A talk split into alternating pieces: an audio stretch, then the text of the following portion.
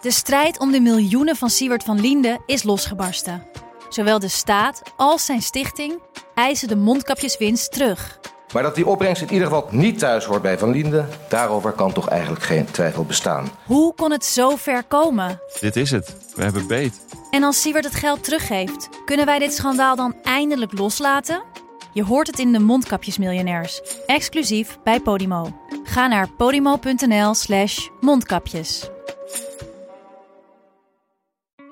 In de podcast Radio Romano met Noortje Veldhuizen Met Marcel van Roosmalen. En met Roelof de Vries. brengen we alle drie elke week een zogenaamde signalering mee. Wat heb jij nou weer bij je? En aan het eind bepalen we wie de winnaar van de week is. Echt een angstcultuur. Lege huls die je er bent? Ja, dat gaat eigenlijk altijd onvriendelijk. Luister nu naar Radio Romano bij Podimo. Via podimo.nl slash Radio Romano luister je 30 dagen gratis.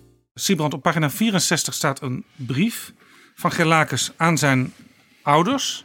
Zou u die kunnen voorlezen? Daar staat boven per, ik neem aan persoonlijk, op het slagveld te Waterloo, de 19e juni 1815. Dus dat is de ochtend na de slag. Dan wordt hij gewoon, in mijn, in mijn beeld wordt hij gewoon wakker op dat slagveld. Schrijft hij, waarde ouders. Ik schrijf u deze in grote haast om u te melden dat ik er goed ben afgekomen. Wat mij aangaat. Maar mijn zwart paard is onder mij doodgeschoten. We hebben veel verloren. Onder andere de ritmeester Wijnbergen en Van Heijden. En de luitenant Verhello. En zeven officiers geblesseerd. Ik weet nog niet hoe ik deze zal verzenden. Kees Breda is dood. Hij heeft een landsteek in de buik gekregen. Adieu, waarde ouders. Lebe wol. Ik zal, zodra ik kan, schrijven en geloof mij te zijn uw gehoorzame zoon G. Buma.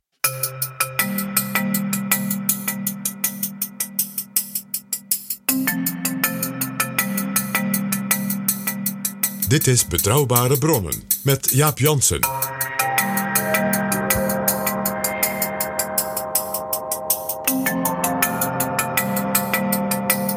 Hallo, welkom in aflevering 11 van Betrouwbare Bronnen.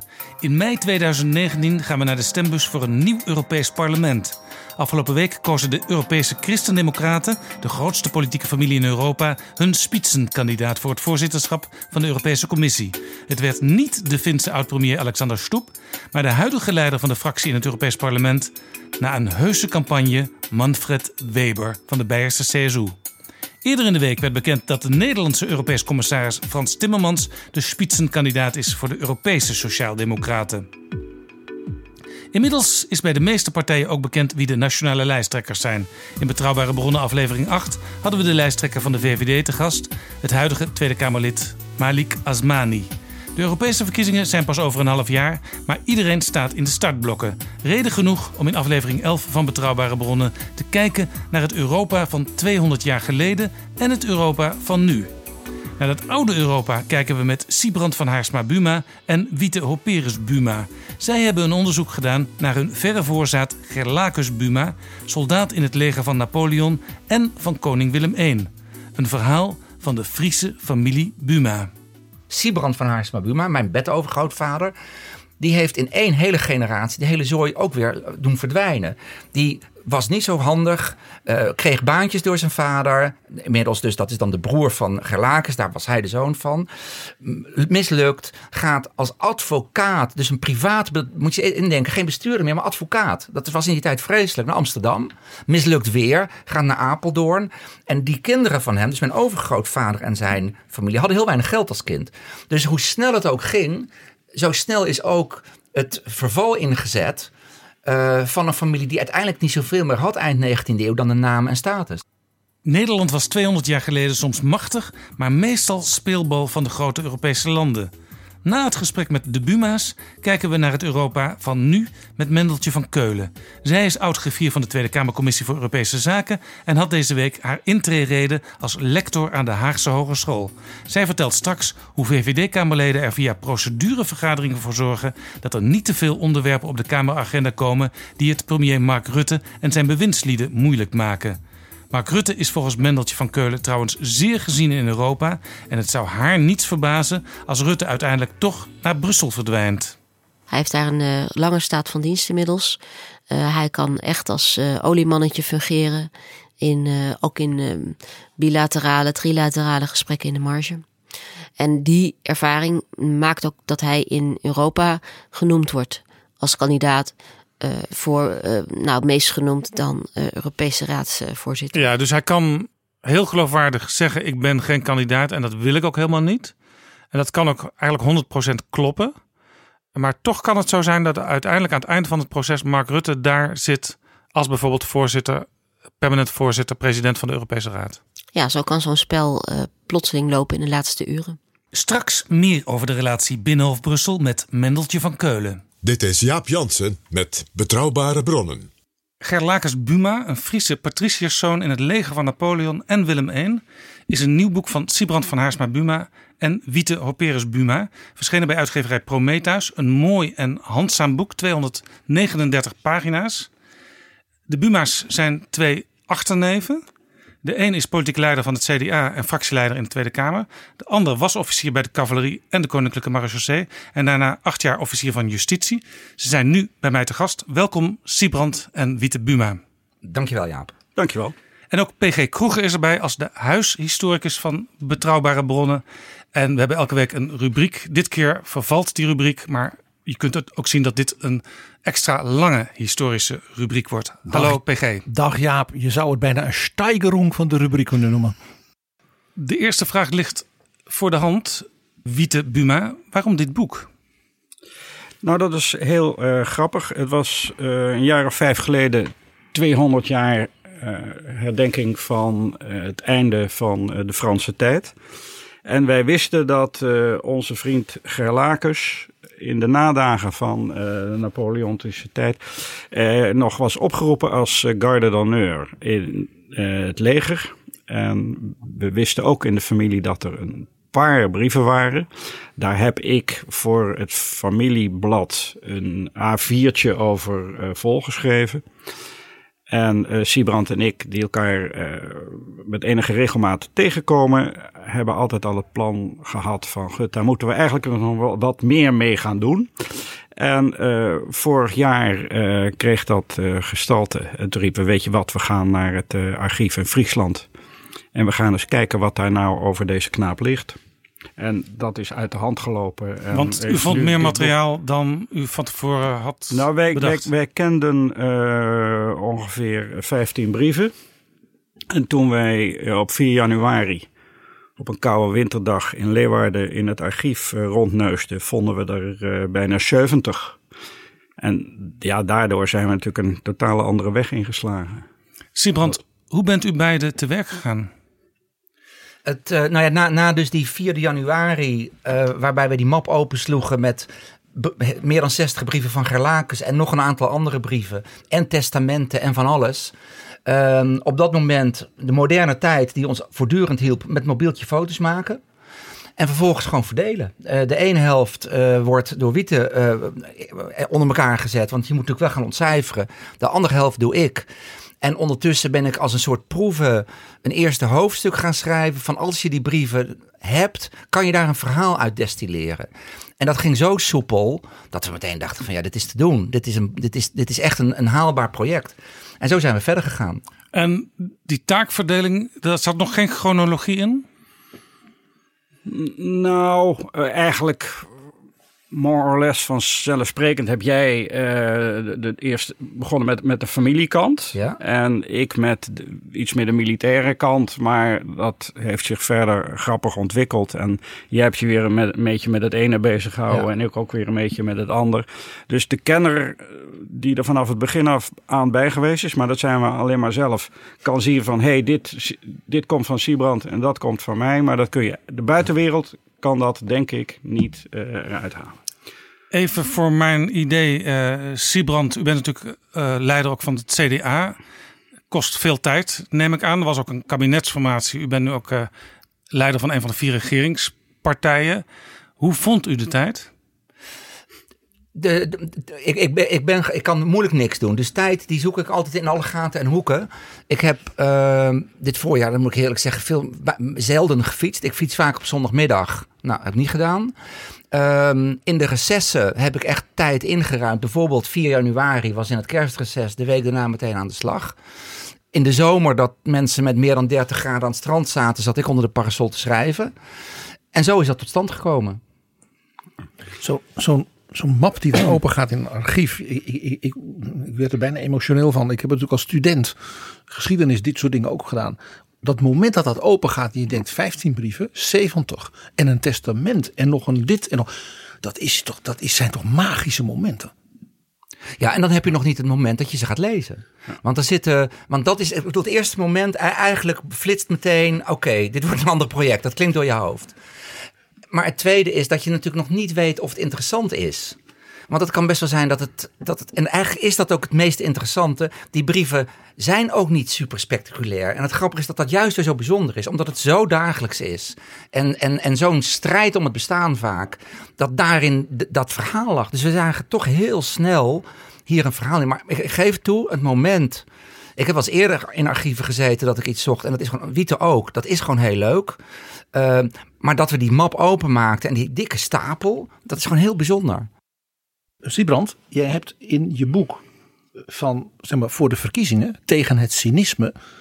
eh, ook al over bijzondere momenten en mensen uit jouw familiegeschiedenis geschreven. En zelfs het boek in 2012 voor de verkiezingen, waar ik me nog herinneringen Ja. aan heb. Jij Ja. ook. In het voorwoord vertel je ook over een van jouw voorvaderen. die als burgemeester in heel moeilijke tijden. ja, zeg maar, de rug moest rechten. Wat is die familiehistorie? Die inspireert jou blijkbaar. Ik denk, ik denk dat we daar, daar vergelijkbare ideeën over hebben. Kijk, de, de, wat betreft het verhaal wat jij nu vertelt, dat is mijn grootvader. En dat zit gewoon heel dichtbij, omdat ik die verhalen zelf altijd hoorde. En dat is eh, in, in de familie gewoon nog iets heel groots. Voor mij, mijn vader heeft dat allemaal meegemaakt, dus daar zit heel veel emotie omheen. Eigenlijk is dit natuurlijk een hele andere periode, 200 jaar geleden waar je de persoonlijke zwaarte van de emotie niet hebt, maar de verbazing wel. En het is toch anders omdat het familie is. Ik geloof echt dat als we een andere persoon zouden hebben en als twee uh, masterstudenten bij wijze van spreken een project doen, ja, dat is interessant. Maar dit leest totaal anders. En dat maakt, dan komt het toch heel veel, hoewel het twee eeuwen geleden is, heel dichtbij. Ik heb een keer via een vriend van mijn vader de dagboek mogen gekregen en ook aan een hoogleraar kunnen geven van een soldaat die mee was geweest naar Moskou van ja. Napoleon en levend terugkwam. De emotie van die man dat hij dat, dat dagboekje, wat keurig was bewaard, ja. dat hij dat afstond. Ja. En toen dacht ik, ja, ook wat jij zegt, het is toch iets ja, wat bij die man echt. En het was toen ook 200 jaar geleden bijna. En toch de emotie. Maar hier komt dus nog de, de nestgeur van de Buma's komt erbij. ja. Dat ben ik helemaal met je eens. En wij zijn natuurlijk allemaal, en dat geldt ook voor Siebrand en zeker voor mij.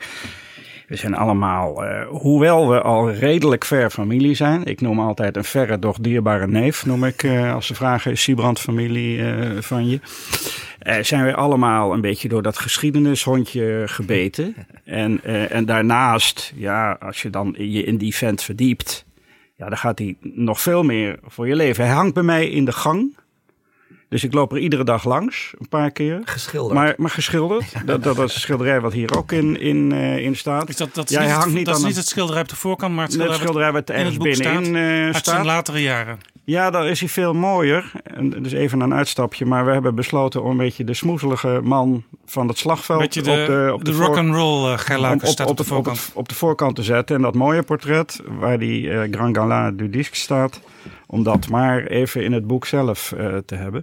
Maar die man gaat voor je leven. Dit is een stuk familie. Dat is het gewoon. En dan 200 jaar geleden. Maar hij zou zo bij mij uh, gistermiddag uh, bij, de, bij de haard hebben kunnen zitten of zo. Ja, als, als ik het boek uh, lees en blader, toevallig, echt toevallig, was ik dit weekend met dit boek bezig. En de net zo dik verschenen nieuwe biografie van Adam Zamoyski, de grote ja. Poolse ja. historicus over Napoleon. Je kunt ze naast elkaar leggen. Hij beschrijft ook Napoleons bezoek aan Nederland in 1811 en alles eromheen.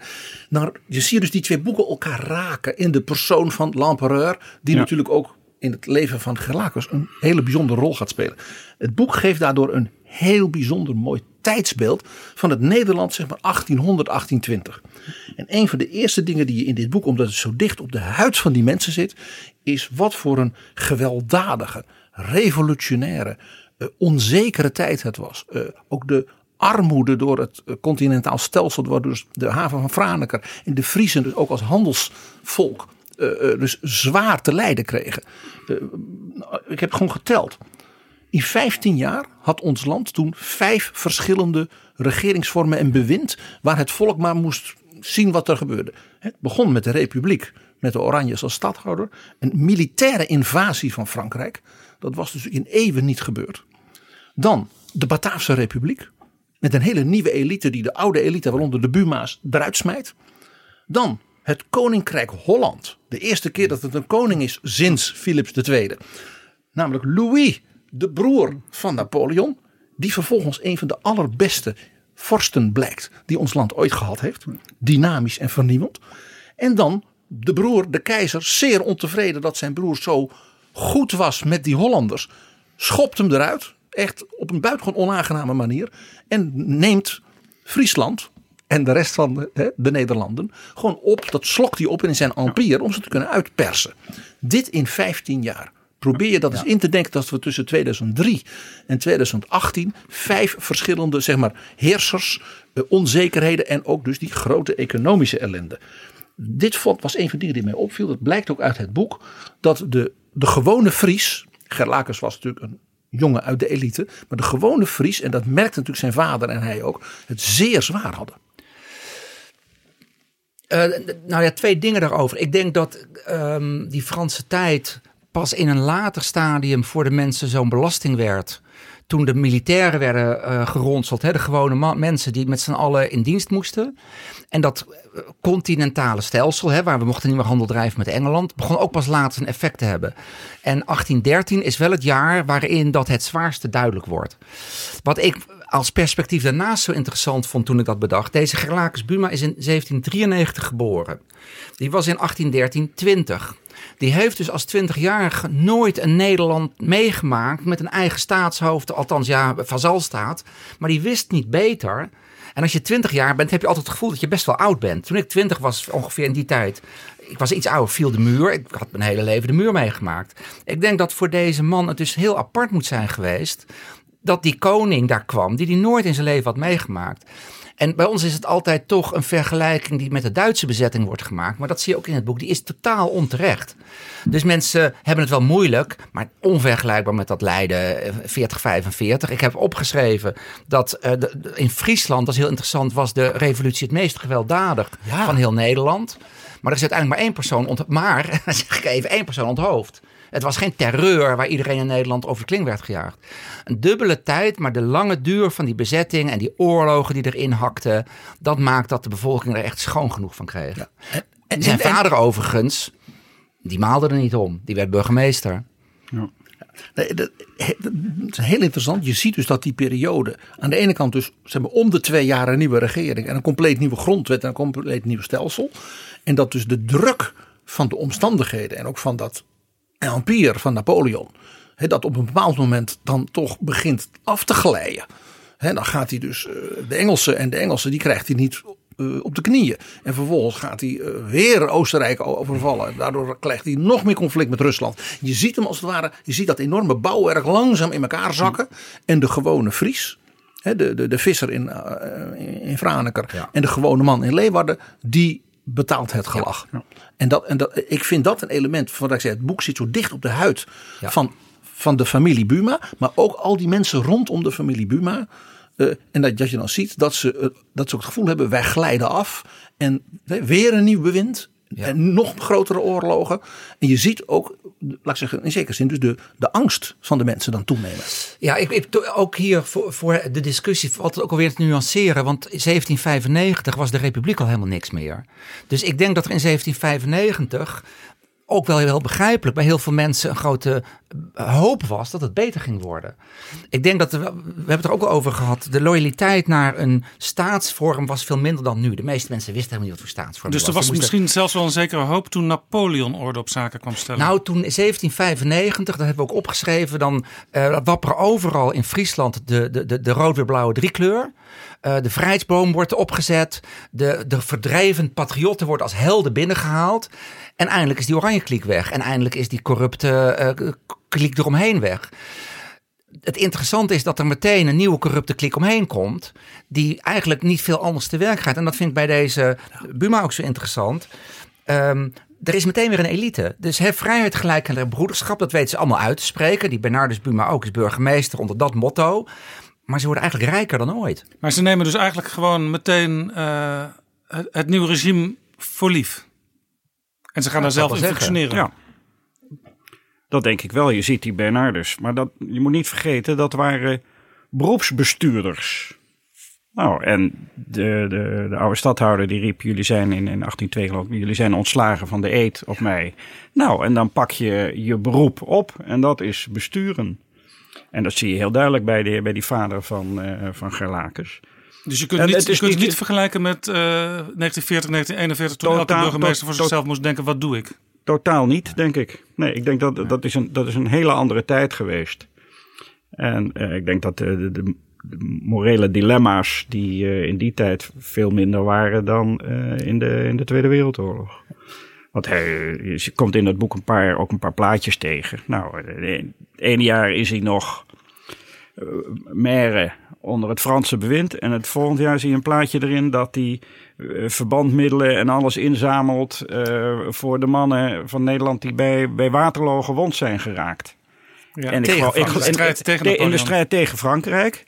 En uh, ik, ik, ik ga ervan uit dat dat allemaal uh, gemeend is en uh, met de juiste intenties. Maar dat is heel grappig. Ik denk dat men er veel minder mee zat in die tijd. En jij was nou eenmaal bestuurder. En zeker toen ze ontslagen waren van die eet. Maar daarna ging je ook ruk, ging, werd hij gewoon weer geaccepteerd door Willemijn. Ja, ja en, en, en daarom, Siebrand onderstreept dat net al, dus die periode, zeg maar 18, 11, 12, 13, 14, 15. Dus die laatste, wat we dan nu weten, wisten ze toen niet, de laatste jaren van Napoleon. Dat dat dus ook zo dramatisch is. Ik heb wat cijfers uit het boek. Uh, er gingen 15.000 Nederlanders, en dat waren dus toen Fransen onderdanen ja. van de Franse keizer. Onthoud dat. Dat waren Fransen, die moesten dus mee naar Rusland. Daar zijn er 500 levend teruggekomen. Dus 1 op de 30 jongens kwam levend terug. Dat is dus de grootste militaire ramp in dat opzicht van de Nederlandse geschiedenis. Want ook in de meidagen van 40 zijn natuurlijk een heleboel mensen gesneuveld. Maar het was niet dat 1 op de 30 het overleefde. Ja, dat is een heel mooi boek van Bart Funnekotter, De Hel van 1812. Die overigens een vergelijkbaar uh, stramien gebruikt als wij brieven, maar dan van een aantal mensen en daar de geschiedenis omheen bouwen. En die hele veldtocht is één groot drama en, en lang niet iedereen overlijdt, ik moet zeggen, een, een, beperkt aantal overlijdt door veldslagen, allemaal door ontberingen. Maar dat is toch, door dat boek is het wel weer iets teruggekomen, maar, maar inderdaad die aantallen die, die wij dus ook weer vonden, dat is wel eens vergeten hoe erg dat is. En het grappige bij Op een bevolking van, van twee 2,5 ja, miljoen. Dus ja. ook dat moet je nog zien. Ja. Het was dus een behoorlijk percentage van de jeugd. En het waren natuurlijk de armen die zich niet konden vrijkopen. Uh, die, die, die gewoon afgeslacht En, en vergeet niet dat dat ook wel een omslag is volgens mij in de mate van verzet tegen Napoleon. Daar, het was echt gewoon toen afgelopen met hem. En dat schrijven we ook. Hè, de tol was te hoog. Ja, en dan ontstaan er zijn pamfletten in Leeuwarden. Uh, weg met Napoleon en Oranje Boven wordt weer geroepen. En tegelijkertijd op 29 mei 1813 legt zijn vader een eed van trouw af aan Napoleon omdat hij burgemeester wordt. En het grappige is, hier in het Nationaal Archief uh, vond ik de speech die gehouden is door de prefect bij die beëdiging. Nou ja, Napoleon is één grote held, dus vindt het allemaal prima. Bij en dus, dat, dus een half jaar later is het weer totaal om en is iedereen tegen Napoleon. En iedereen vindt het prima. Ja, hij, de vader, Bernardus Buma, wordt burgemeester van Leeuwarden. Hij legt de eed af aan Napoleon, de eed van trouw. En als ik me goed herinner uit het boek, de volgende dag wordt uh, Gerlacus definitief opgeroepen om, als, uh, om te gaan dienen in de garde d'honneur van keizer Napoleon. Terwijl u refereerde net nog aan uh, jongelingen die in dienst moesten, rijke jongens die konden zich uitkopen. Ja. Maar dat kon op dat moment niet meer. Hij moest echt gaan dienen. Nee, dat hele verhaal van naar Rusland gaan, dat betekende dus dat het leger van uh, Napoleon compleet gedecimeerd was. Dus hij moest nieuwe troepen hebben. En vroeger, in de tijd daarvoor, kon je dus middels het zogenaamde remplaçantenstelsel kon je bij een boer in de buurt vragen van wil jouw zoontje in dienst? Dan hoef ik niet en dan betaal ik jou zoveel gulden. Nou, daar trapte Napoleon niet meer in, dus die schafte dat remplaçantenstelsel af. En wilde ook de, de zoontjes van de elite, aan, de elite aan zich binden. Door te zeggen: jullie zoontjes gaan nu ook maar naar het front. en ja, dat overviel Gerlakens ook, want die was helemaal niet van plan een verder een militaire carrière te gaan volgen. Die kreeg gewoon die oproep van uh, de prefect en uh, melde jongeman. Ja, want wat was eigenlijk het plan van Gerlakens toen hij een jaar of 15, 16 was? Nou, hij, hij is uh, na zijn Latijnse school is hij naar Groningen gegaan. Daar heeft hij, hebben we uitgevonden, geloof ik, een jaar of twee gestudeerd. En toen is hij daar gesjeest. En uh, in ieder geval bij ons was hij even twee jaar uit beeld. En toen kwam hij in, in, in 2013, of in 1813 kwam hij weer boven water. Doordat hij uh, opgeroepen werd voor uh, de Garde d'Honneur. Dus ik weet niet wat er van die makker terecht zou zijn gekomen. als uh, hij niet die oproep van de prefect Verstolk van Zoelen Misschien had gekregen. was het uiteindelijk wel een, een soort zegen dat hij een, een echte serieuze baan kreeg. Dat sluiten we niet uit. Nee. Tegelijkertijd zie je hier dus iets heel, is een heel belangrijk moment in dat boek.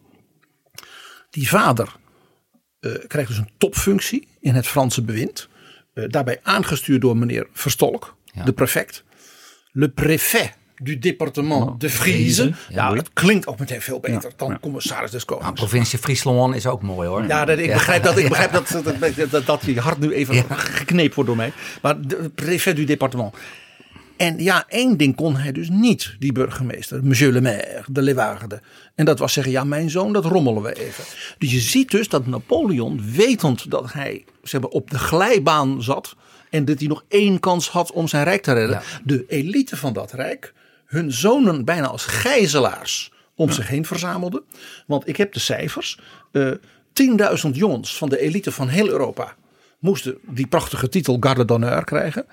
En dat was verdeeld over alle departementen. 500 uit de Nederlanden, 36 uit Friesland. Dus de zonen ja. van de Friese elite werden als gijzelaars van de keizer van Frankrijk om hem heen geschaard. Want ja, dat was natuurlijk wel een vorm van, uh, Wiete zei het al, binding. Uh, zeg maar afgedwongen loyaliteit. Wat daarbij woest ook nog, ze moesten het zelf betalen. Is dat een goed ja. woord, Siebrand? Ja, gijzelaar? ik zit, want ik vind toch meer, hij had gewoon kanonnenvoer nodig. En uh, dat dat. Uh, uh, ik weet niet of hij zo naïef was dat hij meteen dacht dat hij de elite blij aan zich zou binden door hun zonen naar het front te sturen. Nee, niet blij. Maar gijzelen. Ja, gijzelen. Maar voor die tijd was. Hij had gewoon de zijn laatste mensen nodig. Ze had paarden nodig. En dan kom je bij de elite. Wat ik overigens in mijn zoektocht. interessant is ook vaak wat je niet vindt, hè? En uh, ik ben dus hier in het Nationaal Archief geweest, want daar ligt het archief van de persoon Verstolk van Zoelen.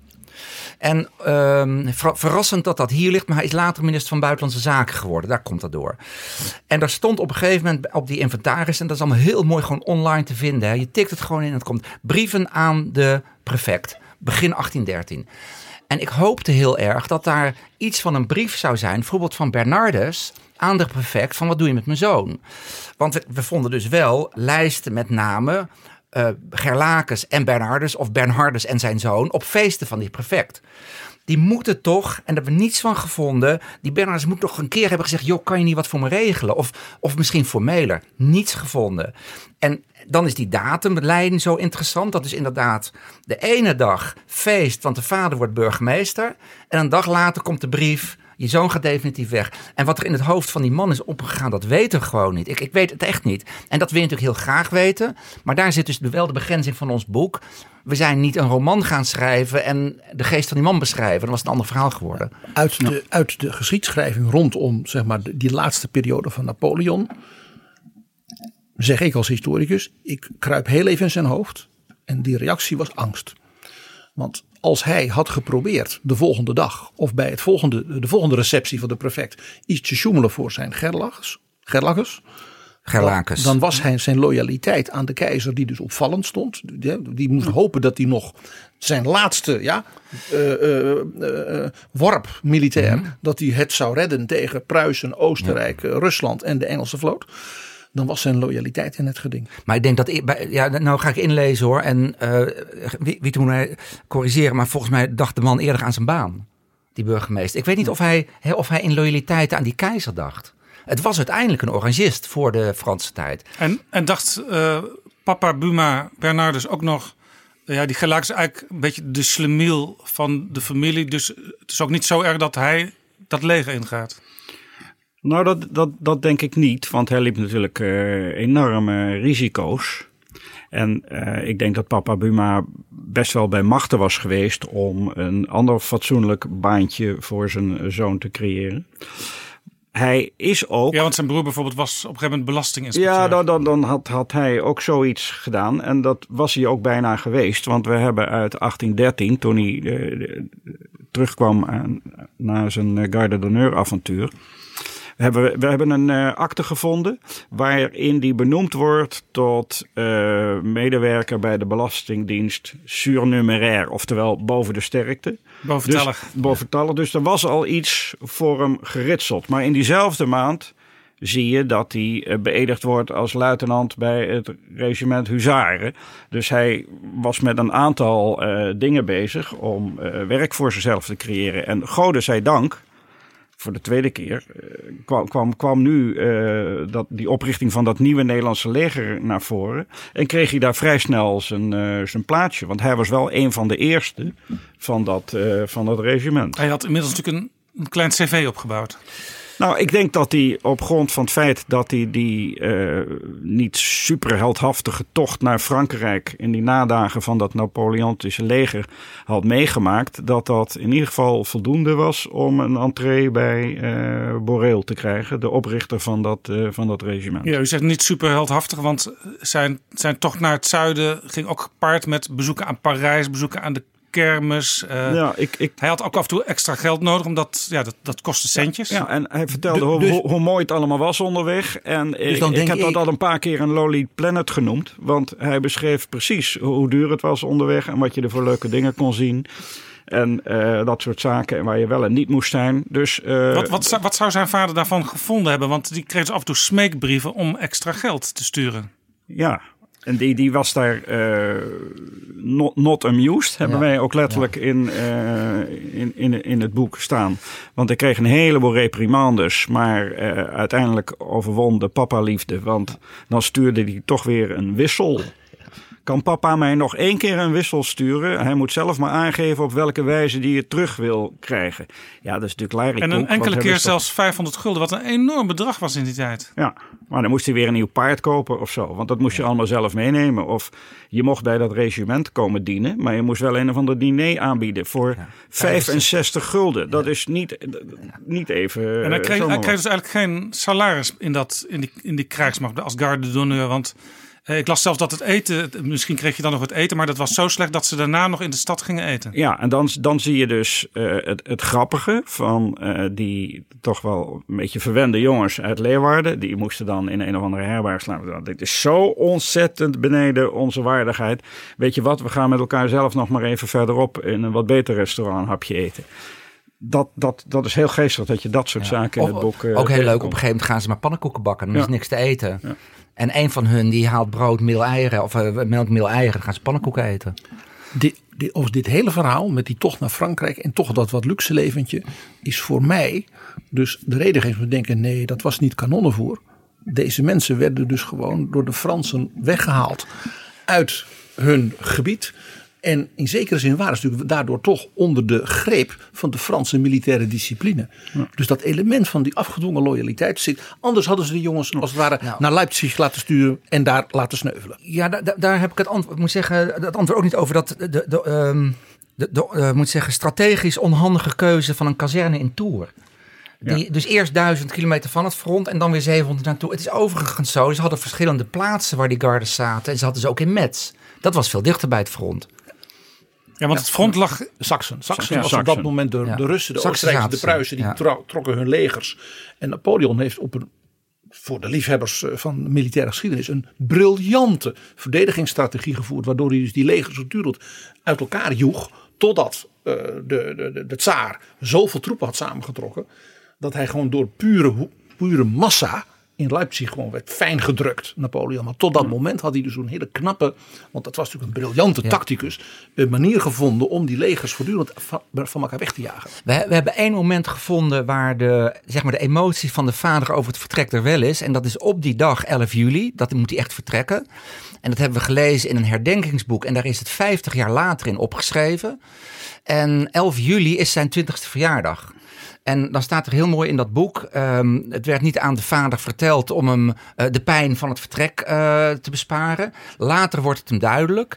En dan rijdt hij dus subiet per paard waarschijnlijk zijn zoon achterna. Die is al 20 kilometer op pad. En ik haal toch even uit het boek. En dan neemt hij afscheid, waarbij de gelukwens door de vrees hem nimmer weder te zullen zien als in de keel gesmoord werd. En dat heeft dus 50 jaar later nog op het netvlies gestaan. Want dit is een, een zin die uit een boek komt wat een half eeuw later En dat is geeft dus aan hoe, hoe diep die emotie Dat is zat. dus wel dat, dat bij al die eh, eh, moet zeggen, onge- niet te vinden emoties op dit moment blijkbaar iets heel groots toch was. Dat dat 50 jaar later nog een bekend feit was. Hij dacht, misschien is dit de laatste keer dat ik mijn zoon levend zie. Precies. En dat besef had die vader op dat moment dus heel wel. Terwijl die zoon een aantal dagen later gewoon naar de kermis ging. Eh, ja, zeker. En, dus, eh, en dat, dat is ook weer als je de tijdlijn naast elkaar zet. Hij komt in Mainz aan op 20 oktober. En dan, dan, het is heel simpel. Ik, ik zit data in te tikken en plaatsen. En toen bedacht ik ineens weer, en het staat er inderdaad, 19 oktober was de slag bij Leipzig, de Volkerenslag. Dus hij komt op een dag dat er vanaf dat moment, wat, is zijn, wat ziet hij van de oorlog? Desolate troepen die terugkomen in Mainz, zonder dat hij ooit vecht. Maar heel interessant, hij is dus gelukkig gewoon te laat aangekomen. Ja. Wat, wat je hier ziet, en dat vind ik ook een van de bijzondere dingen van dit boek. Hè, dat ik zeg, dat tijdsbeeld, wat zo dicht op die huid zit, dat maakt het zo bijzonder. Je ziet hier dus, het is geen jongensboek en geen avonturenroman.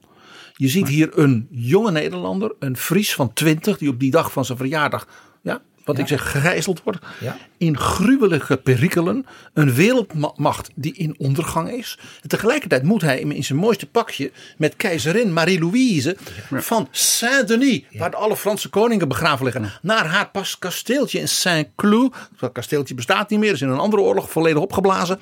Want de keizerin, de prinses van Habsburg, moet worden begeleid door jongens van een beetje standing. Met een net pakje. En hij had een prachtige, we zien een prachtige baard en snor. Dus het moest ook een beetje mooie jongen zijn. Hij moest waarschijnlijk een beetje lang zijn. Die keizerin moest wel wat hebben. Dus hij kwam daar aan in Saint-Denis. Moet dan met die koets van de keizerin door Saint-Denis rijden. En daarna mocht hij die avond, dat spreekt mij natuurlijk zeer aan, naar de opera. Dus ik, Ger Lakers heeft natuurlijk een warme band met mij in ieder geval als opera-liefhebber. Maar daar, daar komen we het nog wel over te hebben. Dit is Betrouwbare Bronnen. Een wekelijkse podcast met betrouwbare bronnen. Ik praat over het boek Gerlacus Buma, een Friese patriciërszoon in het leger van Napoleon en Willem I. En dat doe ik met Siebrand Buma, met Wiete Buma en met mijn vaste gast P.G. Kroeger. Ik wil eigenlijk nog naar een ander ding, en we hebben het al heel even aangestipt. In dit boek is er een man die om vele redenen natuurlijk als persoonlijkheid vele malen interessanter is dan die Gerlacus. En dat is die vader. Dus ik zou u zeer willen aanmoedigen het leven van Bernhardus Buma eh, daar nog eens uitgebreid over in te gaan. Want als, als je dan één feit uit zijn leven benoemt. Hij maakt dus een geweldige glansrijke carrière onder de Fransen. Louis Napoleon, de keizer, de prefect, eh, een eed van trouw nog vlak voor het eind. En niet lang daarna komt de soeverein vorst der Nederlanden, Willem I, bij hem op bezoek thuis. En zegt, ja, dat huis van jou, dat was mijn vroegere paleis. Het paleis van de stadhouders. En de, hij hint dat hij dat wel terug wil hebben. En denkt natuurlijk een goed vaderlander als Bernhardus Buma gaat mij dat schenken. En toen bleek hij een echte Hollander, en misschien wel meer dan een Fries, want hij zegt dat kan, dat kost u 34.000 gulden. En dan heeft die Oranjes, en ik vind dat zeer te prijs in hem, een poot uitgedraaid van het bedrag wat in die tijd echt heel veel was. Van 34.000 gulden. Deze man moet een persoonlijkheid geweest zijn. Dat je dat gewoon tegen zo'n soeverein vorst zegt. Ook de wijze waarop hij met die prefect omgaat. De wijze waarop hij met zijn invloedrijke machtspositie omgaat. Dit moet een zeer interessante man zijn. En bovendien een begaafd politiek opportunist. Nou, als je over dat laatste, dan die ken jij beter dan ik. Dus, eh, Nou, het, het, is heel interessant dat je dat zegt. Want er is, zijn levensbeschrijving is op papier gezet. Door eh, Edo Spanninga. Die woonde in Leeuwarden. En, eh, dit gaat, hij schreef het in de jaren negentig. Van deze, eh, dus de vorige, Vorige eeuw inmiddels. heel lang geleden. Die woonde in de Bernardus Buma straat, denk ik, in Leeuwarden.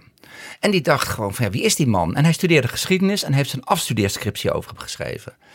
En ehm, eigenlijk is dat een van de aanleidingen om dit te doen. Dat was eh, gewoon wel interessant. Het enige waarom het minder boek is dan dit.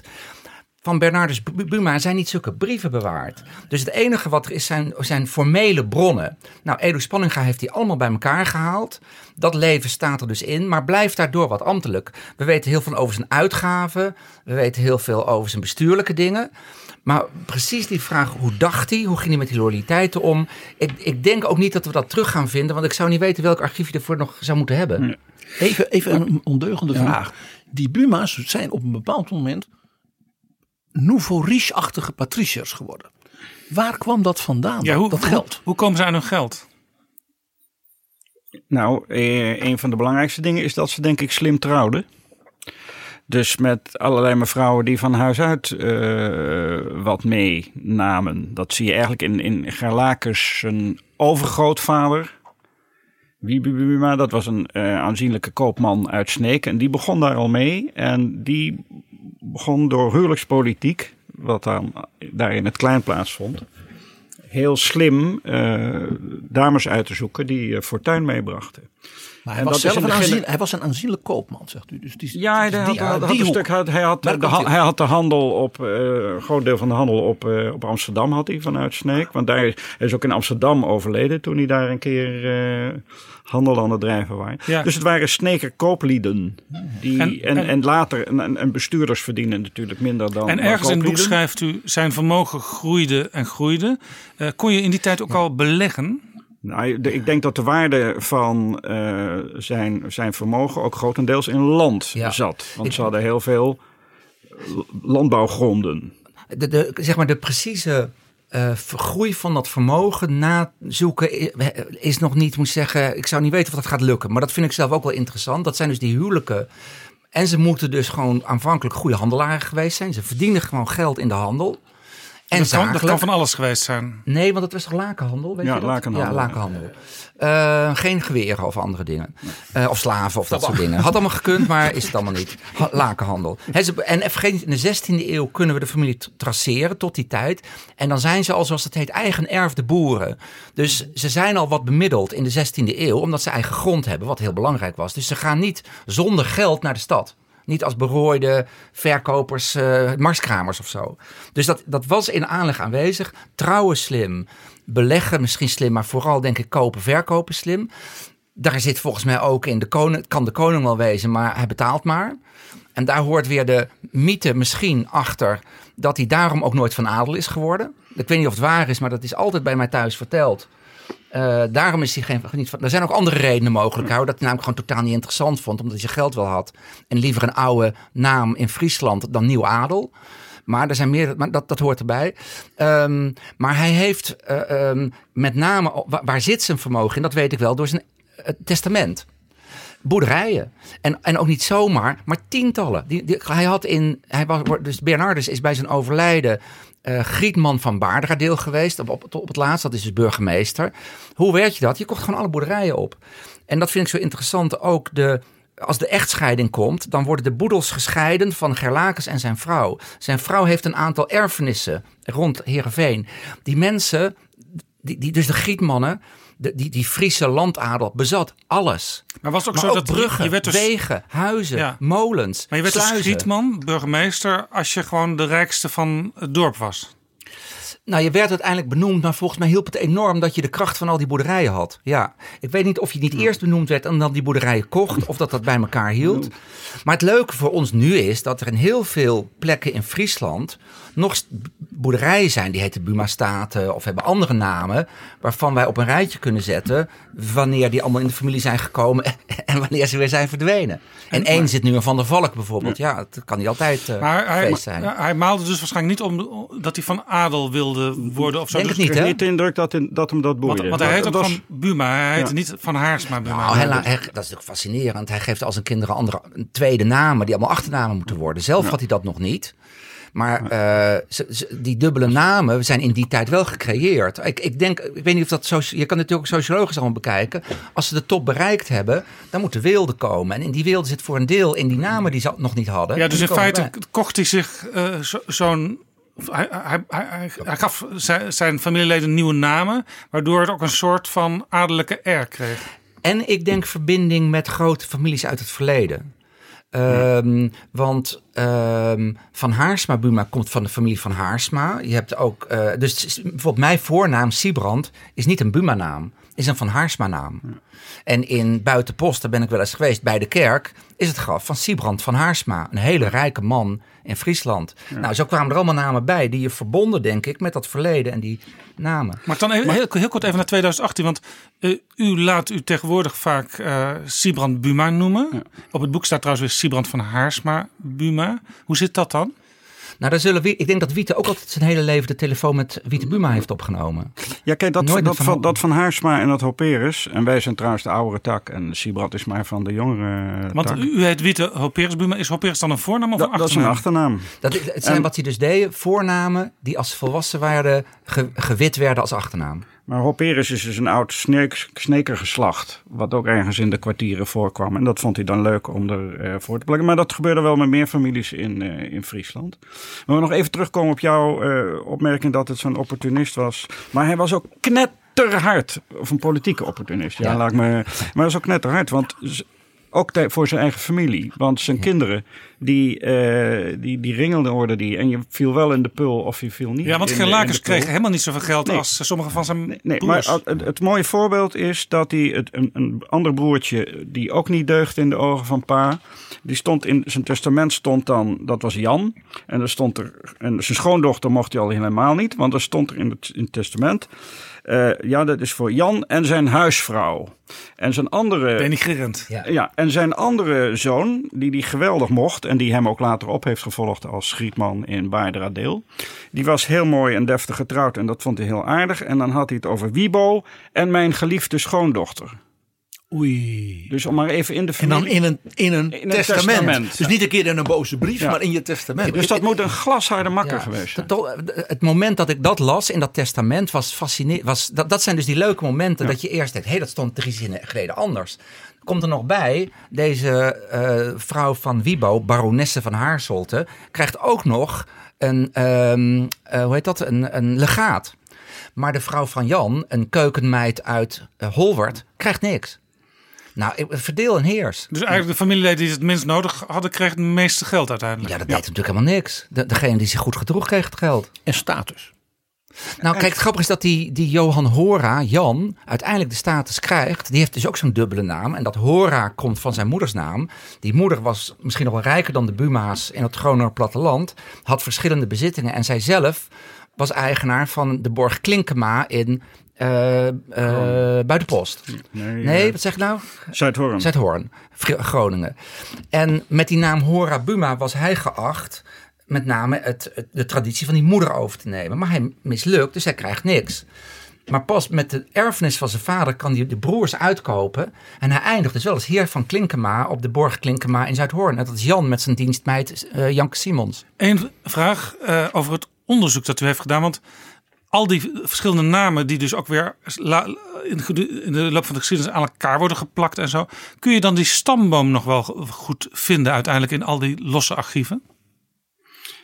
Nou, onze familiestamboom, die kennen, we van haven tot gort en van, eh, van links naar rechts en van boven naar beneden. Dus dat is niet zo moeilijk. Want daar begin je en dan- meestal mee, En daar kom je mee. En, en dan eh, vind je in die verhalen, dan lees je over meneer Horace Sikkema. En dan zegt hij, krijg ik een appje van, eh van Siebrand. God, dat is leuk joh, dat is zijn neef. En meneer Valk, die zie je op een gegeven moment staan eh, als, als die is minister van Oorlog en die ondertekent zijn, zijn eh, KB dat hij luitenant wordt. Die is getrouwd met eh, een zuster van zijn moeder. Ja, met zijn, met zijn aangetrouwde tante Dus dat, Amelia. dat, dat is, allemaal, dus dat Ja. is allemaal familie eh, van elkaar in die tijd. Dit komt, hiermee komen we bij een, een, ander thema. Nog even breder zeg maar, in de na- nationale geschiedenis. En dat is, u- zegt het heel mooi net. eh, die minister is dan weer getrouwd met een tante. En dat dus ook die elite in Nederland relatief klein was. En is. Je wou niet zeggen ze kennen elkaar allemaal. Maar en dit, dit, dit herkennen we. Ik, toen ik het las, het boek. Ik zei al, het heeft mij dus heel veel geïnspireerd. Ook eh, ten aanzien van in de bredere geschiedenis. Eh, ik dacht meteen aan het boek Nieuw Babylon in aanbouw van James Kennedy. Heb ik Een boek gelezen. over de jaren 60 en 70 van de vorige eeuw.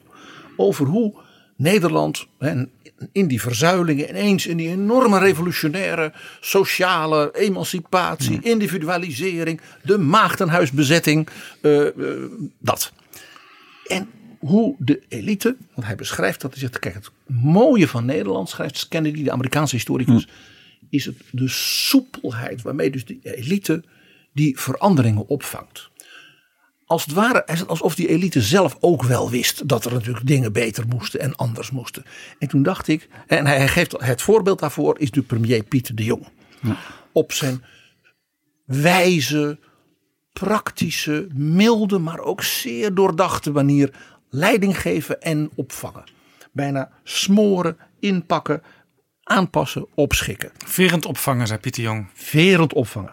En ik, dacht, ik las Bernardus Buma en toen dacht ik, de Oranjes eruit, de Republiek weg, Bataafse Republiek, Koning Lodewijk. Hij ving dat ook weer verend op. En ook de verandering in 1813.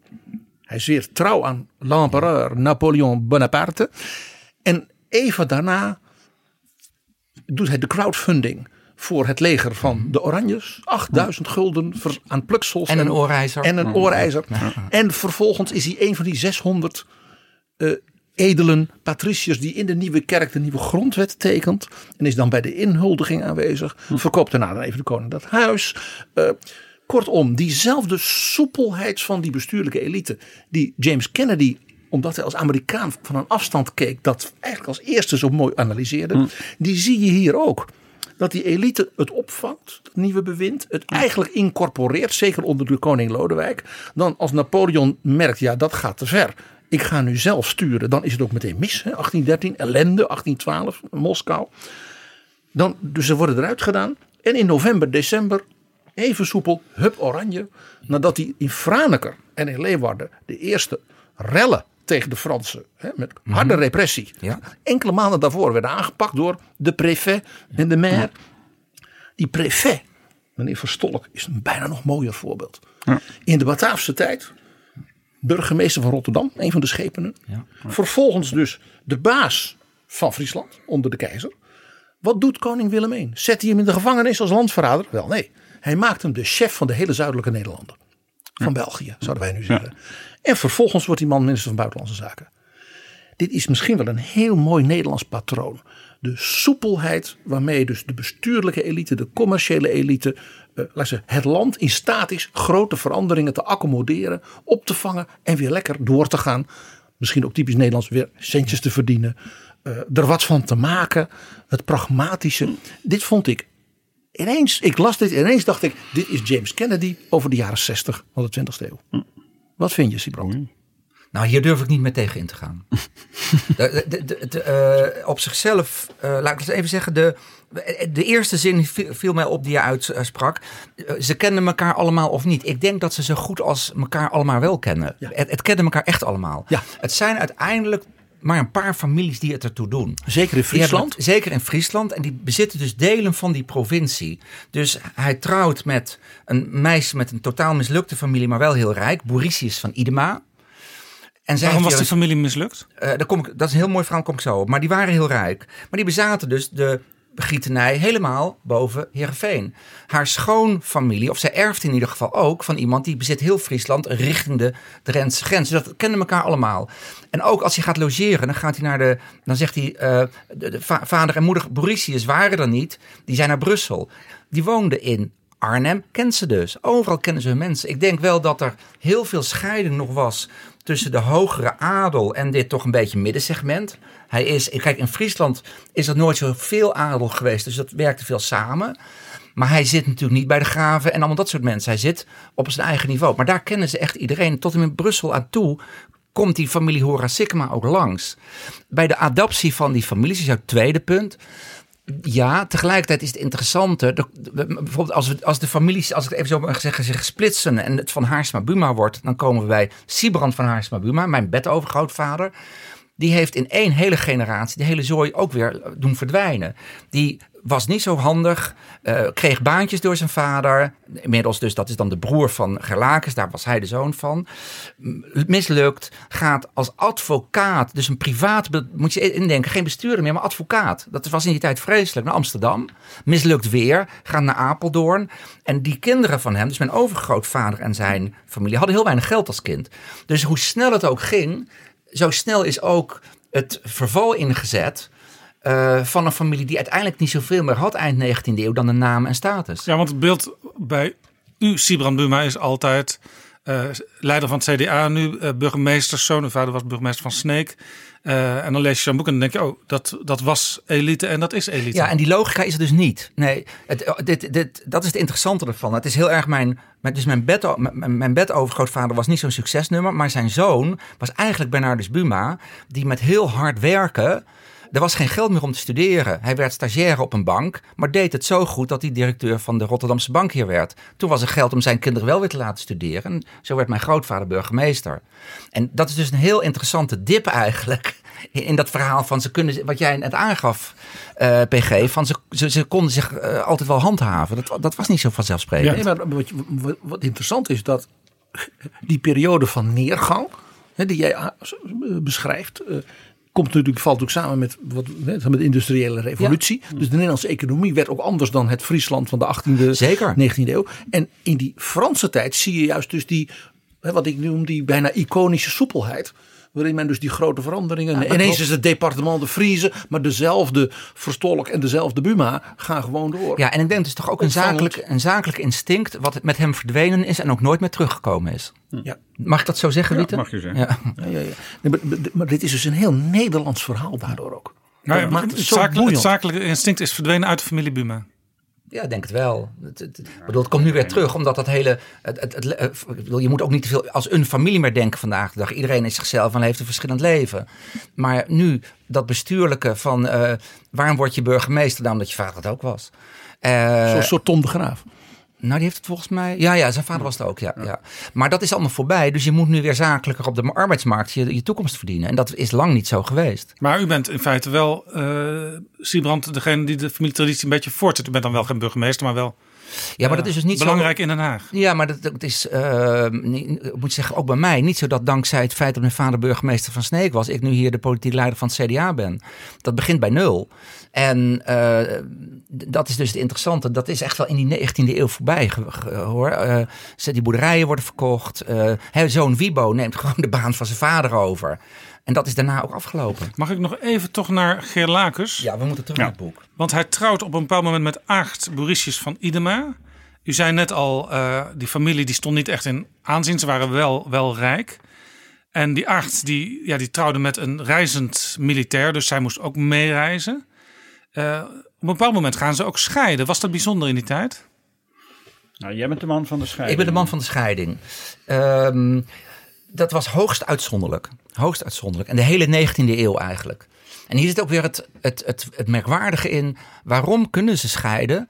Omdat door Napoleon er een vrij liberaal burgerlijk wetboek was.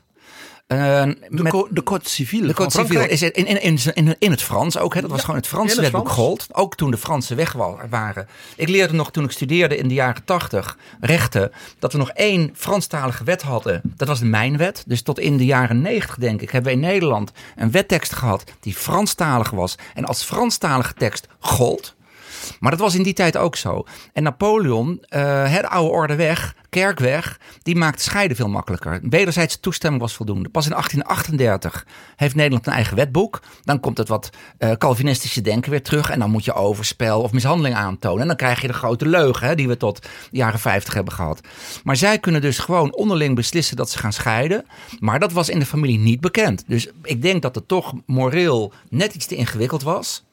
Eh, zodat in mijn beeld altijd het verhaal van die man had een slecht huwelijk wel speelde, maar niet dat hij gescheiden was. Maar het gezin als hoeksteen van de samenleving, waar het CDA ook om bekend staat, dat kwam ze eigenlijk pas na de Franse tijd weer echt eh, in de wet te staan. Nou, sterker nog, het CDA bestond in de Franse tijd ook nog niet. Dus, eh, dat is, sowieso was dat ingewikkeld. De, de voorganger, de voorgangers van het CDA zijn opgericht ter bestrijding van de Franse Ja, revolutie. daarom, ja anti-revolutionair. Ja, ja, en dat, wa- ja, dat is fantastisch. Maar goed, die, die verweven we weer in het volgende boek.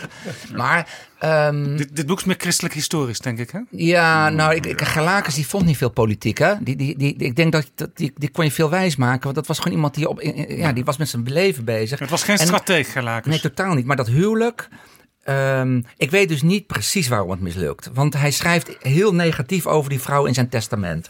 Echt, echt bikkelhard. En, en, Dat had en hij dan van er zijn hard vader. aan. Dat Eh, harde naar die ja, schoondochter. Ja, klopt. Maar ehm, ik denk toch dat het een heel moeilijk gezinsleven was omdat ze heel vaak niet bij elkaar zaten. Zij zwierf maar achter hem aan.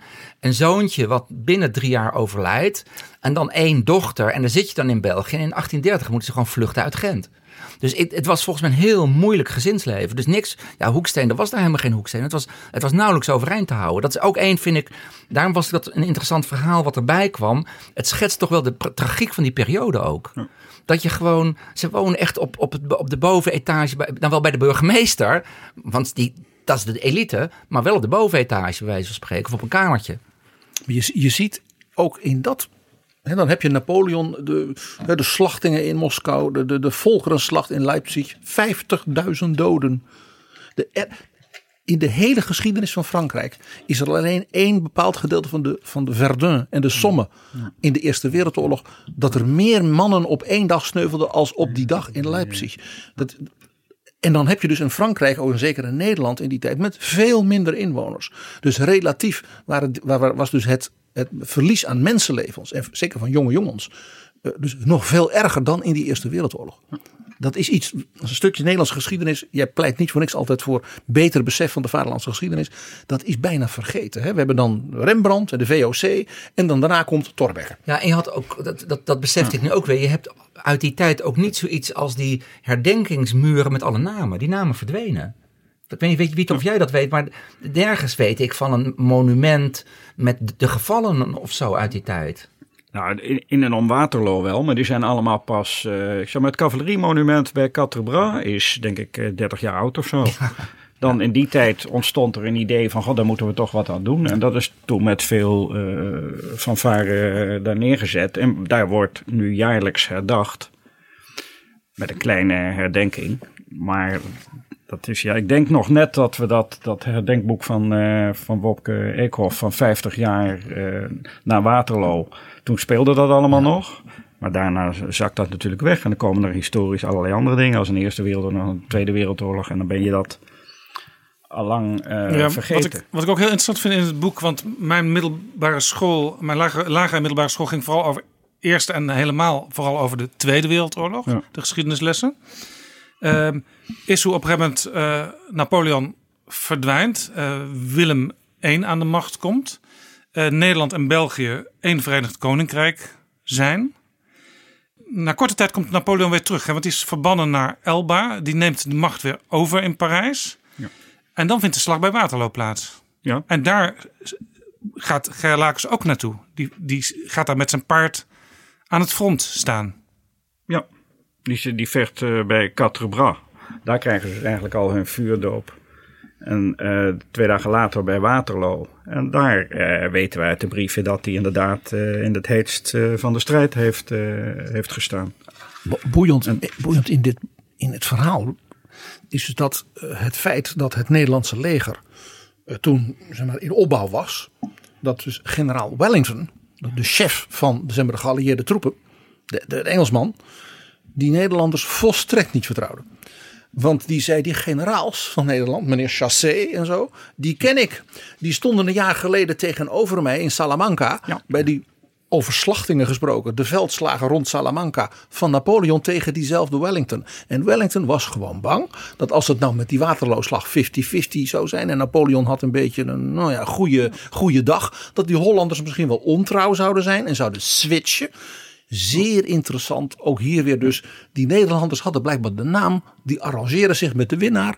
Het gevoel bij de Engelsen was. We weten niet helemaal of ze kunnen vertrouwen. Ja, niet helemaal onterecht, denk ik. Ik kan me daar wel iets bij, bij voorstellen, als je dat eh, in historisch perspectief ziet. Ze hadden toch die eet van trouw op de empereur gedaan. Hè? Nog in Maar mei. het gekke is dus ook als je soldaat was zoals uh, Gerlacus, dan eh, wisselde de macht boven je. En dan kon het gebeuren dat je ineens eh, als militair tegenover een militair stond met wie je eerst nog in één groep had gevochten tegen een andere Ja. vijand. Dat had je bij Waterloo en dat zag je later in de Tiendaagse Veldtocht. Kom je dat ook weer ergens in het boek eh, tegen. Dat ze daar, eh, te- moet, op een gegeven moment moeten ze bij de slag bij Kermt. Tijdens de Tiendaagse Veldtocht moeten ze vechten tegen een, een, een Belgische eenheid. En daar komen ze dus gewoon mannetjes tegen. Waarmee ze daarvoor in hetzelfde regiment eh, hadden gezeten. En eh, meneer Van Balveren, die was toen eh eskadronscommandant, of eh, regimentscommandant. Die werd nog gewond door een sabelhouw van een Belgische wachtmeester die onder hem gediend had. Daar hebben we als leuk verhaal ingeschreven, omdat we dat uit de bronnen hebben gehaald. Je, ziet, je ziet als hij dan officier is in dat leger van, van koning Willem I. Dat dus die Belgische opstand moet neerslaan. dat, dat dan dat leger volledig uit elkaar valt. Omdat grote delen van dat leger zei. A, we hebben helemaal geen zin om onze broeders van ons koninkrijk. Hè, die dan in zuiden. Die misschien wel hele verstandige hervormingen willen. Eh, en ze houden ook van opera. Hè, La Muette de. Portici. Ja. En twee, eh, dat ze soms, eh, laat ik zeggen door hun regionale band met Brabant, met Limburg, zich eigenlijk wel wilden aansluiten daarbij. Dus dat leger van koning Willem I, dat was dus zo deloyaal als maar kon. Ja. En dat, het, was dan ook niet voor niks dat het eh, militair, nou ja, een volledige afgang werd het. Uw, boek is gebaseerd op eh, de brieven die Gerlacus eh, schreef, eh, meestal aan zijn vader in, in Leeuwarden, aan zijn ouders.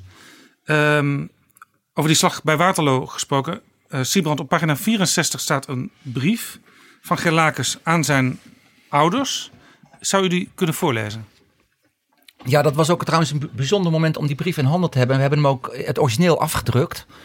Daar staat boven per, ik neem aan persoonlijk, op het slagveld te Waterloo, de 19e juni 1815. Dus dat is de ochtend na de slag. Dan wordt hij gewoon, in mijn, in mijn beeld wordt hij gewoon wakker op dat slagveld. Schrijft hij, waarde ouders.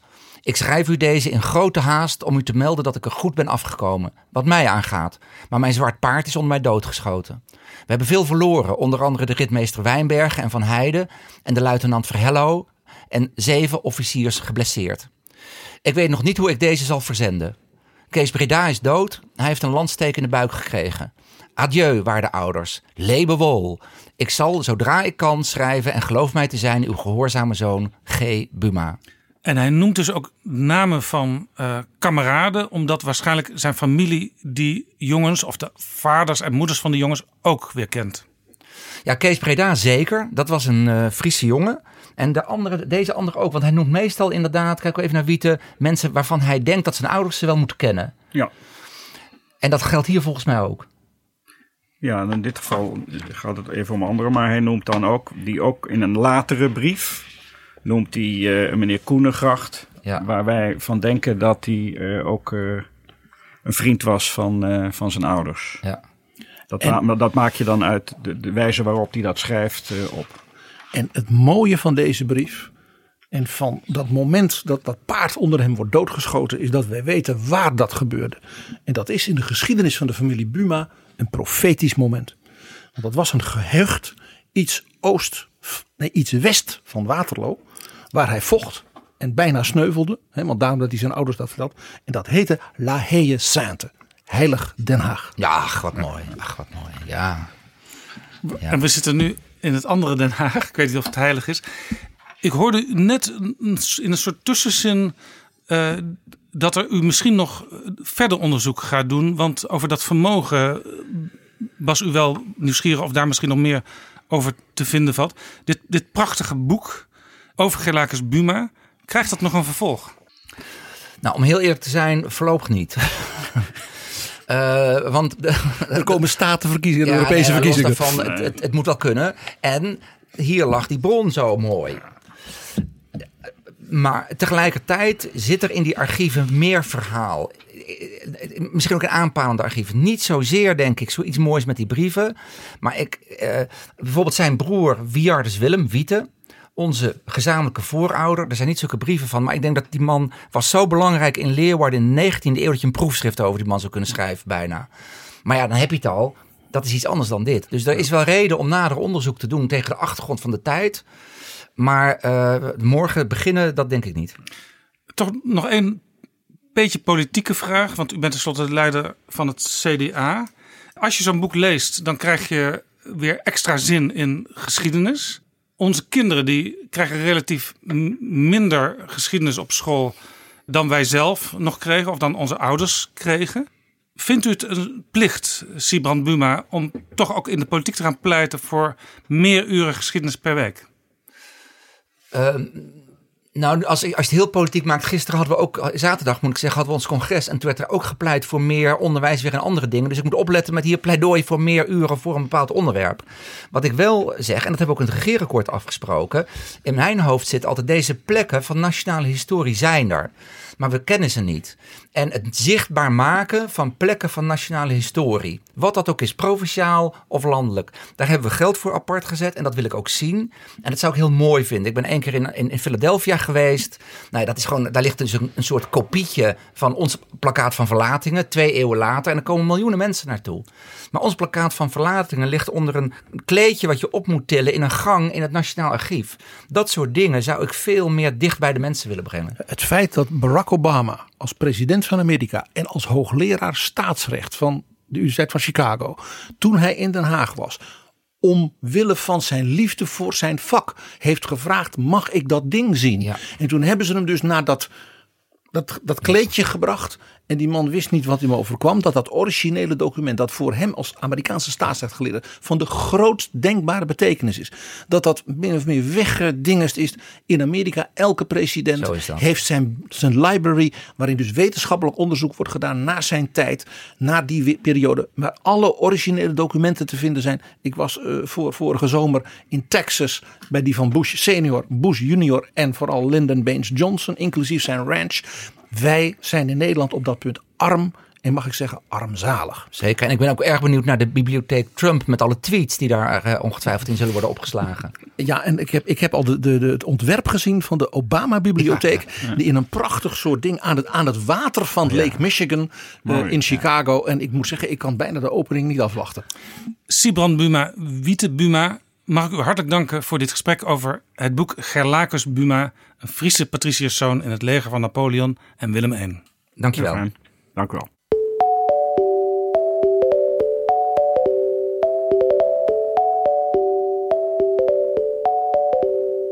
Dit is Betrouwbare Bronnen met Jaap Jansen.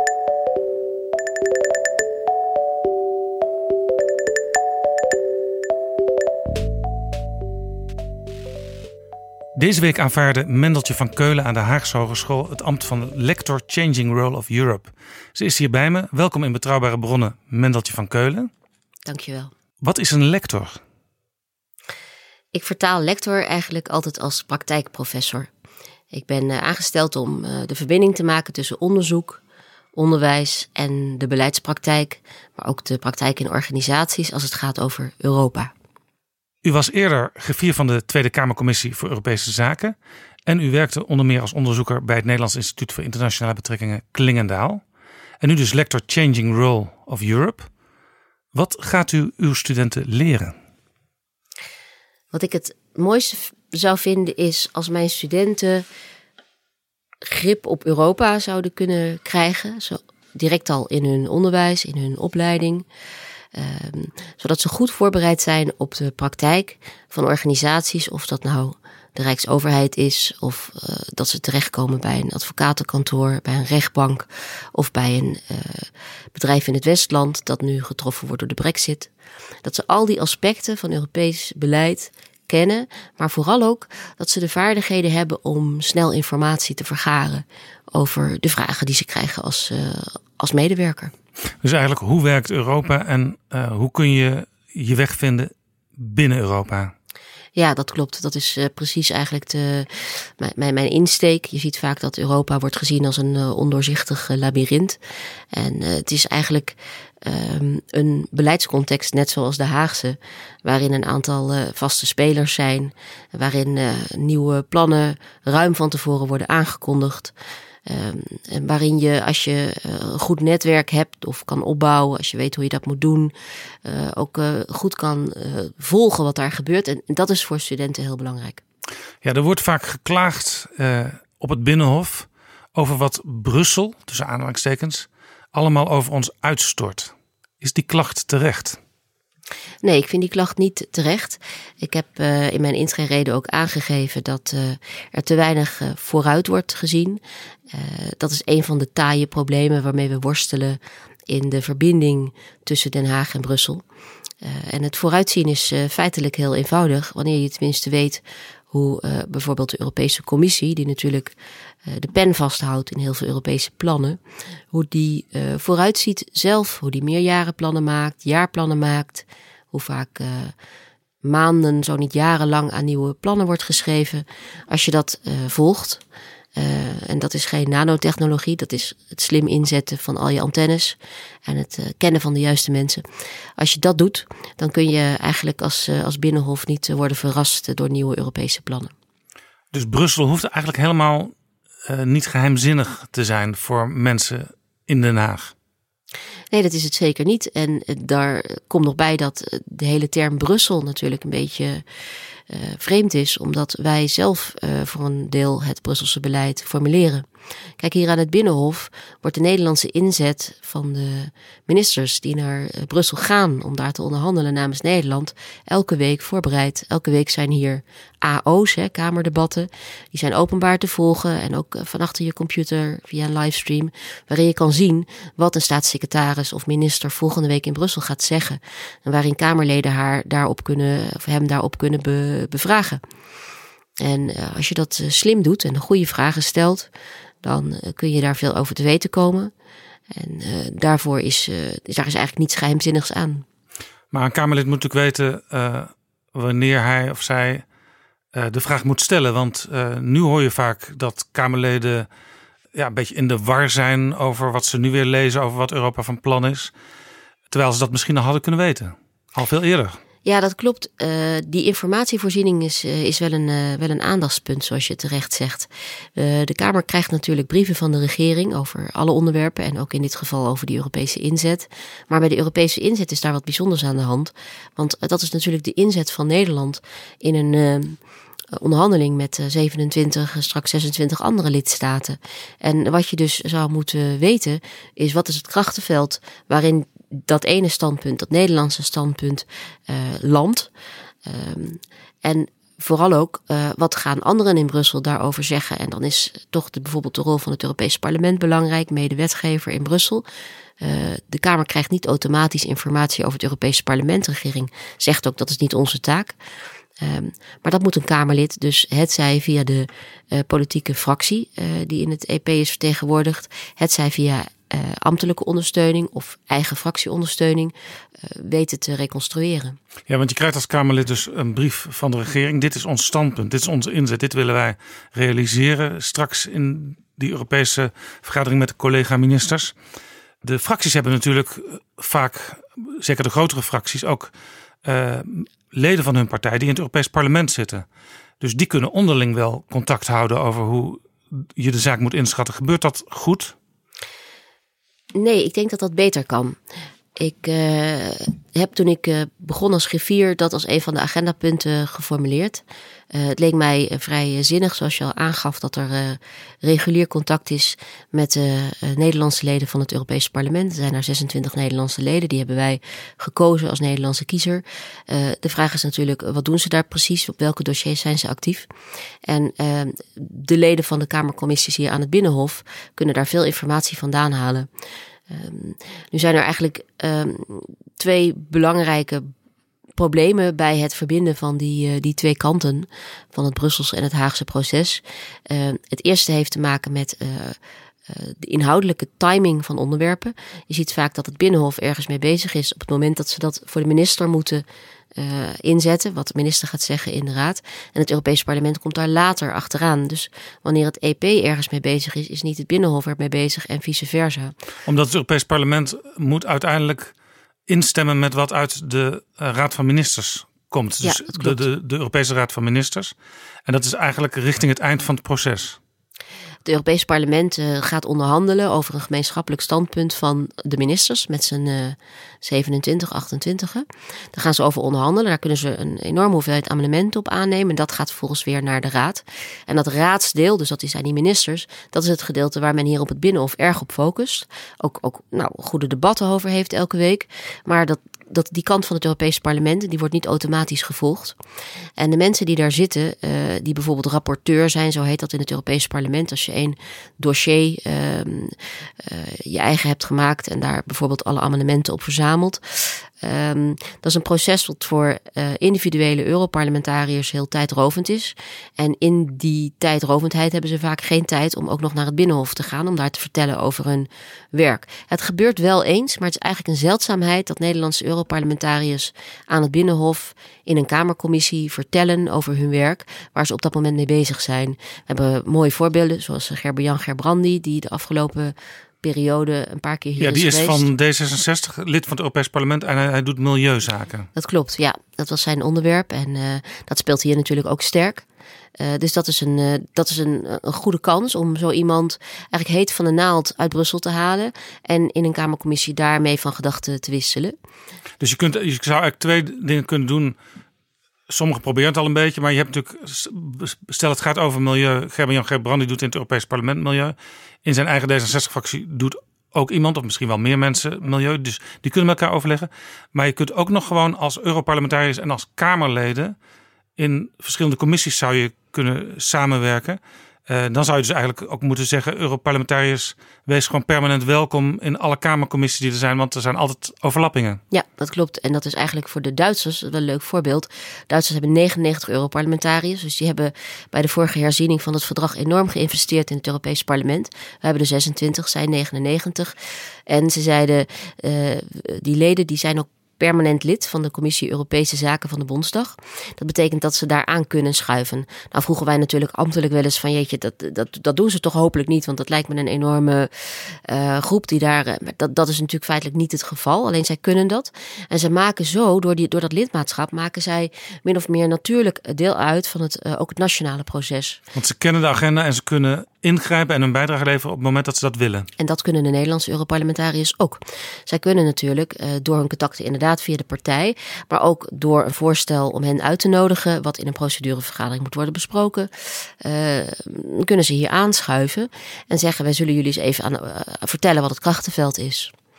En zoals ik al zei, dat lijkt een hele logische vorm van verbinding. Maar die uh, is zowel wat agenda technische redenen betreft, als wat betreft de inhoudelijke mismatch, nog niet uh, voldoende benut. Ik geloof zelfs dat in de Bondsdag uh, de Europarlementariërs ook een eigen kamer hebben, dus per persoon.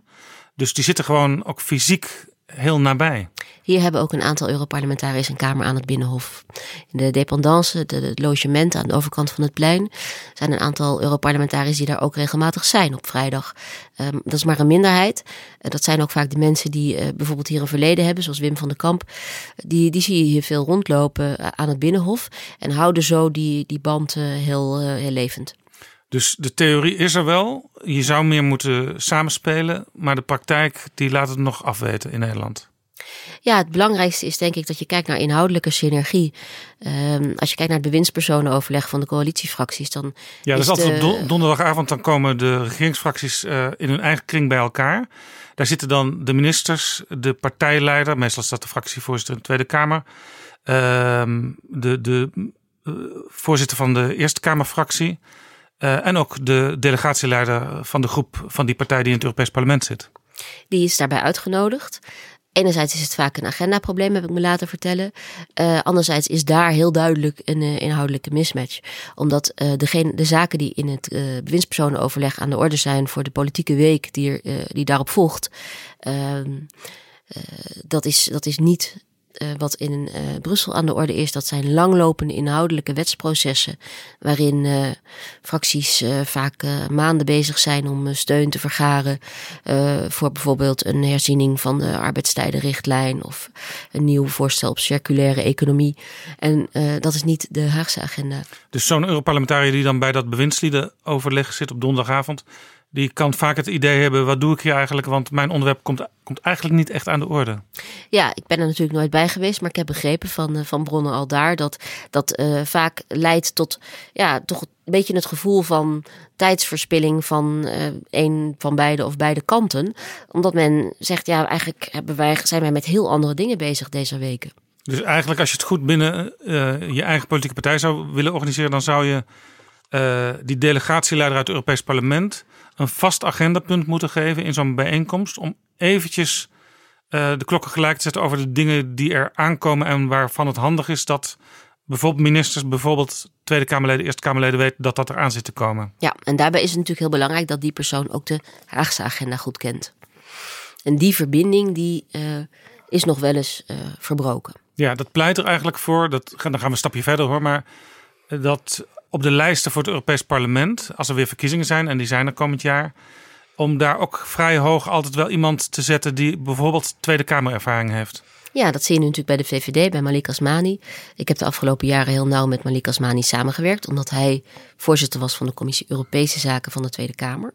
En wat je heel duidelijk ziet bij, uh, bij Malik Asmani is dat hij de afgelopen jaren veel heeft geïnvesteerd in een Europees netwerk. Vanuit die positie van voorzitter van de Commissie Europese Zaken. Wat feitelijk een uh, rol is, een neutrale rol. Hè? Je bent uh, voorzitter van een commissie, je moet de vergadering in goede banen leiden. Maar bij de Commissie Europese Zaken ook die commissie vertegenwoordigen in het buitenland. Dat heeft hij veel gedaan. Daar heeft hij lol in gekregen. En, um... Want daar kun je ook veel van elkaar leren. Want elk land worstelt natuurlijk met de vraag: hoe, hoe kunnen wij het meest effectief met Europa omgaan? Ja, dat is eigenlijk een van de dingen die mij veel heeft verbaasd in de afgelopen jaren aan het Binnenhof.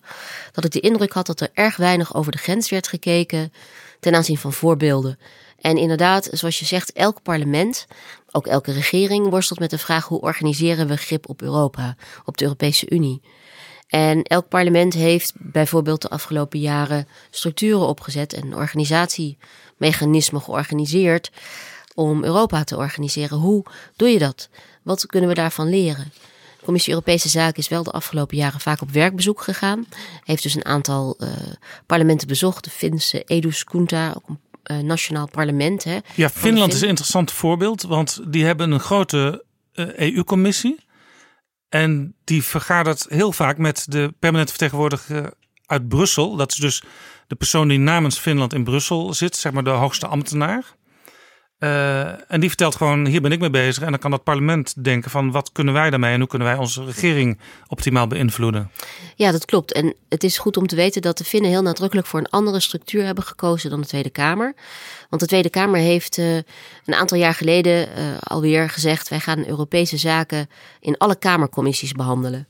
Dus dat betekent dat als je hier woordvoerder landbouw bent van een Kamercommissie Landbouw, dan ben je ook daar betrokken en bij de voorbereiding van de Nederlandse inzet in Europa. Daar zit ook wel iets in, hè? want uh, in feite zeg je daarmee, Europa politiek is eigenlijk binnenlandpolitiek geworden. Dus alles wat er in het binnenland nationaal gebeurt, heeft bijna wel een Europees aspect. Ja, en daarmee verschilt het natuurlijk per Kamercommissie, maar zijn eigenlijk alle Kamerleden uh, tenminste elke maand bezig met het bespreken van Europese onderwerpen. Tegelijkertijd vergt dat natuurlijk ten eerste kennis van al die Kamerleden. Uh, wat de reden is dat hier een specialistische EU-staf heeft gewerkt de afgelopen twaalf jaar. En het vergt ten tweede, naast kennis, ook coördinatie. Want je moet ervoor zorgen dat uh, in die verschillende Kamercommissies onderwerpen die aan de orde zijn, uh, elkaar niet, uh, niet tegenspreken. Dat er één lijn wordt getrokken als het gaat om bijvoorbeeld de Brexit. En het Finse parlement, om die vergelijking door te trekken, heeft ervoor gekozen om één Grand Committee, zoals ze dat uh, noemen, in te stellen. Die alle Europese onderwerpen bespreekt. Inderdaad, één keer in de week in een grote zaal. Ik ben er ook geweest in die Eduskunta, in dat parlement. Waarbij je ziet dat ze een groot scherm hebben en vaak direct contact hebben met bewindspersonen of uh, de ambassadeur in Brussel. En die Kamerleden die bespreken daar de Europese inzet en hebben daarmee veel informatie voorsprong. Maar er is één groot nadeel, het is besloten. Dus het overleg is niet te volgen vanaf de perstribune en er is ook geen livestream. Sterker nog, toen wij aan de Finnen vertelden dat het Nederlands systeem met openbare algemeen overleggen en livestreams ehm, zo was ingericht, schrokken ze zich een hoedje. Want zij zeiden: hoe kun je in vredesnaam goede gesprekken hebben over Europese standpunten. eh, als je daarbij de ambassades en de journalistiek laat meeluisteren? Want zij denken dat je dan je strategie ook voor een deel prijsgeeft. Nou ja, dat is natuurlijk ook het argument van de regering vaak in de Kamerbrieven. om niet te veel te vertellen. Het, eh, het kopje eh, Europees krachtenveld, daar, daar moet je altijd een beetje om gniffelen als je dat leest. in alle brieven. Want daar staat dan dat één grote lidstaat ten oosten van Nederland. Eh, mogelijkerwijs. Laat me raden, Duitsland. mogelijkerwijs een andere positie heeft. Polen. En een aantal kleine lidstaten. En nou, dat zijn een paar zinnen. En als we daar wel eens, we hebben daar natuurlijk wel eens over gepraat, over hoe die informatievoorziening, zoals het dan heet, beter kan. Dat is ook een aandachtspunt van de huidige Kamervoorzitter. En de Kamer moet goed geïnformeerd worden. Ehm, ja, dan zegt men niet over die Europese ehm, standpunten van anderen. Er is op een gegeven moment wel in de Tweede Kamer besloten om vooraf aan een Europese top. Die Europese toppen zijn natuurlijk ook in het beeld van wat veel mensen van Europa hebben heel belangrijk. Om vooraf aan zo'n top met de minister-president te debatteren. En er is ook een tijd geweest dat automatisch ook na afloop van zo'n top gedebatteerd werd. Dat is natuurlijk wel goed.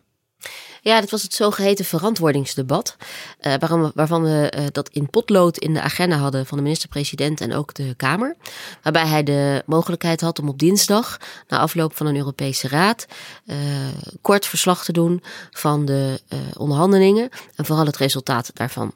En het idee was dat daardoor de verantwoording van Europees beleid zou worden versterkt. Er is nu heel veel aandacht in de organisatie van de Kamer voor de, de inzet. Maar er is eigenlijk nauwelijks aandacht voor het compromis. wat vervolgens eh, in Europa is bereikt. Ja, ja, dus, je, dus je weet precies wat eh, Rutte en zijn collega's van plan zijn. Maar het blijft vaag na afloop waarom er een bepaalde uitkomst uit is gekomen. En die toch vaak afwijkt van wat de Nederlandse inzet oorspronkelijk was. Ja, precies. Er komt altijd een compromis uit. En juist eh, door parlementariërs en daarmee ook de kiezer mee te nemen in zo'n compromis en het bouwen daarvan. En ehm, ook aan te geven op welke punten de Nederlandse inzet eh, ook nadrukkelijk gewijzigd is onder invloed van argumenten van anderen. Geef je natuurlijk een beter beeld van wat daar nou in Brussel plaatsvindt. Dit is de Brusselse realiteit. En wij eh, hebben eigenlijk maar een kunstmatig beeld daarvan. Wat erop lijkt dat we gaan naar Brussel, we winnen. Punt. Het feit dat dat niet zo is, wat eigenlijk elke eh, burger en parlementariër wel op zijn klompen aanvoelt, eh, komt niet nadrukkelijk aan de orde in de vergaderzalen van de Tweede Kamer. Er zijn natuurlijk schriftelijke verkla- eh, verklaringen en verslagen. En die worden altijd weer geagendeerd, min of meer automatisch, voor het volgende gesprek. Wat dan weer gaat over de inzet van Nederland in een volgende Ja, dus dan ben je eigenlijk alweer een, een, een, ja, een aantal weken, soms een paar maanden verder. En dan ben je ook alle media-aandacht alweer kwijt. Want ik weet als journalist op een Europese top, dan ga je naar de persconferentie na afloop van je eigen minister-president. En als je met een groepje bent, een paar collega's, dan kun je ook de taken verdelen. Eentje gaat daar naar eh, Duitsland, naar Merkel, ander gaat naar Frankrijk, Macron. En er is altijd nog een land wat moeilijk doet. En dat is dan ook wel interessant. Dus als je daar dan met z'n vieren dat een beetje kunt verdelen, dan krijg je een beetje een beeld. Ik heb ook wel eens meegemaakt dat een van de ministers, dat was een Gimnich-top, die ging over buitenlandse zaken. Die, die heet zo Gimnich. Eh, dat daar de Duitse minister een uur eerder naar buiten kwam dan de rest. Want die had zogenaamd in zijn agenda moest hij iets anders gaan doen. En die kon daardoor voor journalisten, want daar zaten dan alle journalisten van alle landen, helemaal de lijn zetten van dit hebben we besloten. En dat is voor een groot deel aan Duitsland te danken. Mijn land, zei hij. Eh, ja, die andere ministers die konden daar dan alleen nog maar een uur later wat amendementen bij zetten, bij wijze van spreken in de beeldvorming. Dus die beeldvorming is heel belangrijk. En alle landen, ja, u zegt het eigenlijk al, die zeggen vaak na, eh, aan het einde van zo'n top, eh, wij hebben voor een heel groot deel onze zin gekregen, wat vaak niet zo is. Het is moeilijk om daar een compleet beeld van te krijgen. Dat, dat is ook daadwerkelijk zo. Er zijn natuurlijk een aantal gespecialiseerde eh, Brusselse eh, nieuwsmedia, zoals eh, Politico, en, vroeger EU Observer, Euractief. Dat zijn wat, eh, ja, wat, wat vakmedia, zou ik bijna zeggen. Die, die als je eurofiel bent zoals ik, dan, dan lees je dat elke dag. Maar dat staat natuurlijk heel ver af van zeg maar, de AD-lezer, de Telegraaf-lezer of de Volkskrant-lezer. En het staat er zelfs zo ver van af dat je eigenlijk zelden, of ik zou bijna zeggen nooit, in de Nederlandse media een kritische beschouwing ziet. Een nabeschouwing van een Europese ministerraad. Um, moet al heel erg uit de hand lopen. We hebben dat gezien bij de pulskorvisserij, waar besluitvorming van het Europese parlement aan de orde was. Uh, ook, moet ik eerlijk zeggen, in de fase van de besluitvorming. Dus ja, dat ging over vissen met stroomschokjes.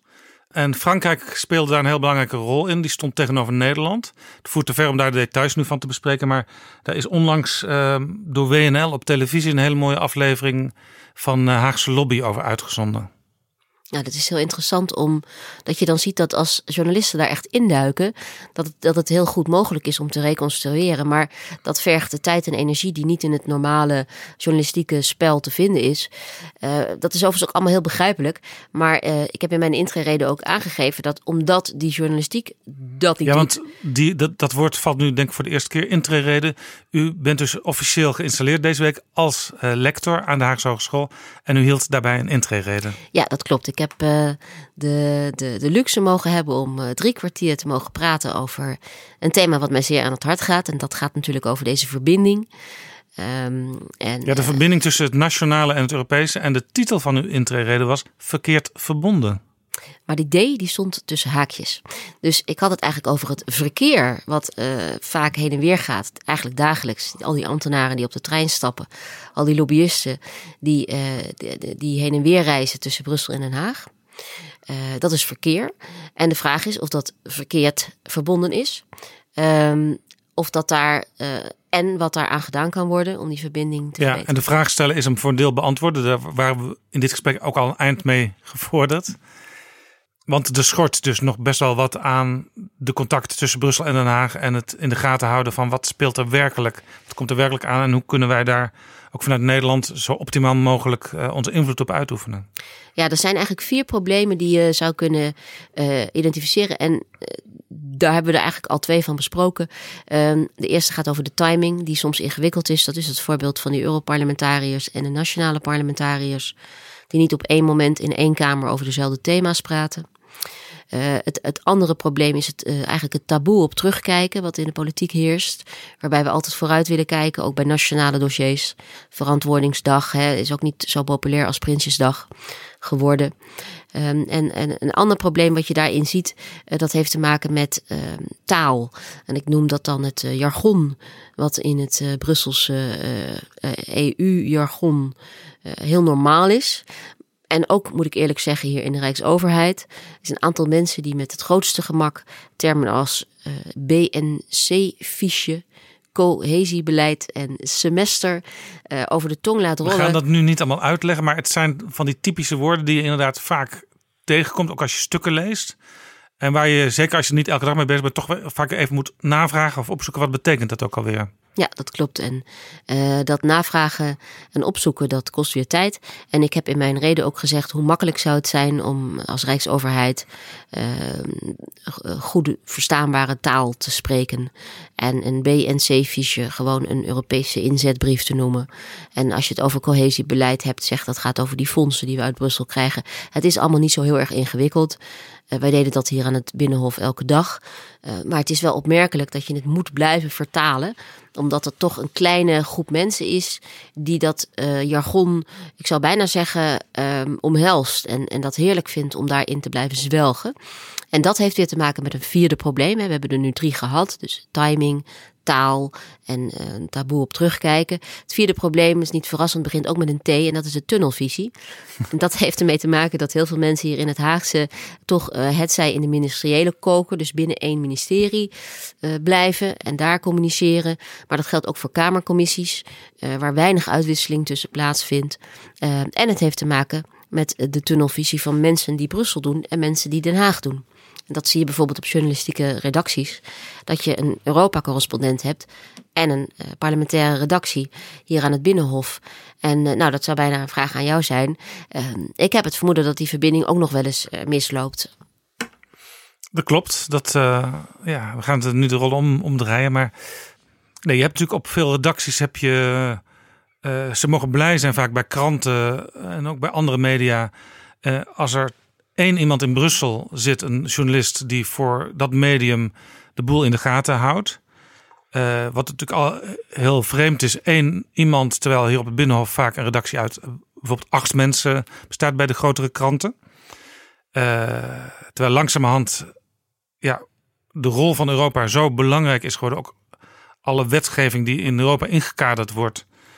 Uh, dat je soms eerder zou kunnen denken van maak het half-half. De helft van de journalisten op binnen of de helft uh, in Brussel bij de Europese Commissie, bij de Europese Raden, bij het Europees Parlement.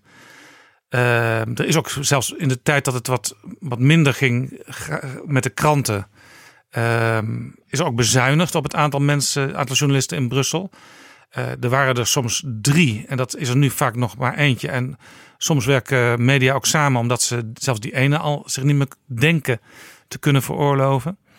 Uh, ja, en het zegt het al, als je nog maar één iemand in Brussel hebt, dan wordt het ook steeds moeilijker om nog uh, de mensen in, in Den Haag of in Amsterdam of waar die centrale redacties ook zitten, te informeren van letters hierop, kijk eens daarnaar. Want je loopt zelf al achter de feiten aan in Brussel.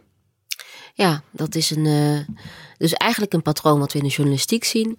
Het is een patroon wat we in de, in de Eerste en Tweede Kamer zien.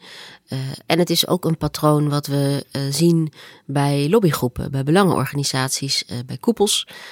Bedrijven, waarbij mensen zeggen: Ja, weet je, we hebben een Europese afdeling, een Europese koepel. En ja, lobby, lobbyorganisaties hebben vaak mensen natuurlijk op Binnenhof rondlopen en in Brussel rondlopen. Uh, maar u zegt eigenlijk die verwijzen naar elkaar en die werken ook niet optimaal samen. Nou, dat heeft vaak ook te maken met uh, gebrek aan kennis van wat, uh, wat de verschillende kanten van die verbinding aan het doen zijn. Ehm, en ik merk zelf in mijn gesprekken met lobbyisten in verschillende leergangen, maar ook als ik één op één spreek met lobbyisten, dat ze ehm, verrast zijn door de mededeling dat Europese onderwerpen hier op het Binnenhof op alle procedurevergaderingen aan de orde komen. Dus zij zeggen, ja, ik heb dat debat met de minister-president wel eens gezien, maar ja, ik doe geen Europa, ik doe alleen sociale zaken. En dan zeg ik, goh, maar ook bij de Kamercommissie voor Sociale Zaken en Werkgelegenheid staat op de procedurevergadering een lijstje, elke keer nieuw uitgekomen EU-voorstellen. Oh, dat heb ik eigenlijk nooit gezien. Ja, ja hier moet ik even iets uitleggen, want um, alle Kamercommissies die hebben natuurlijk uh, vergaderingen waarin ze de procedure voor de komende tijd bespreken. Die vergaderingen die waren vroeger uh, achter gesloten deuren. Sinds een aantal jaren zijn ze openbaar. Ik loop daar als journalist ook wel eens naar binnen. Soms zeg ik er eerlijk bij als ik verder niks beters te doen heb. Maar af en toe dan kom ik toch wel eens tot nieuwe ontdekkingen. En dat schrijf ik dan mooi op in mijn blokje. Want ik denk, hé, hey, daar gebeurt iets. Daar wordt iets op de agenda gezet. En er zijn ook soms merk je dat bepaalde partijen liever niet hebben dat het op de agenda wordt gezet. En dan denk ik, hé, hey, dat is politiek interessant. Dat ga ik eens navragen, waar gaat dat precies over? En soms kan dat tot, tot leuke nieuwe inzichten leiden. Maar uh, u zegt eigenlijk, die procedurevergaderingen die zijn ook voor lobbyisten heel interessant. Het is een heel interessante plek, omdat je inderdaad... Uh, als je de agenda volgt en als je een beetje die, die woordvoerders leert kennen, dan zie je daar altijd dingen gebeuren tussen fracties, tussen partijen, um, die, uh, nou, die opvallend zijn, waarvan je denkt, hé, hey, ze komen terug op een eerder besluit. Dat gebeurt ook nog wel eens. Uh, dus voor de echte kenners bij procedurevergaderingen gaat het niet om of de coalitie aanwezig is, maar het gaat om aanwezige leden.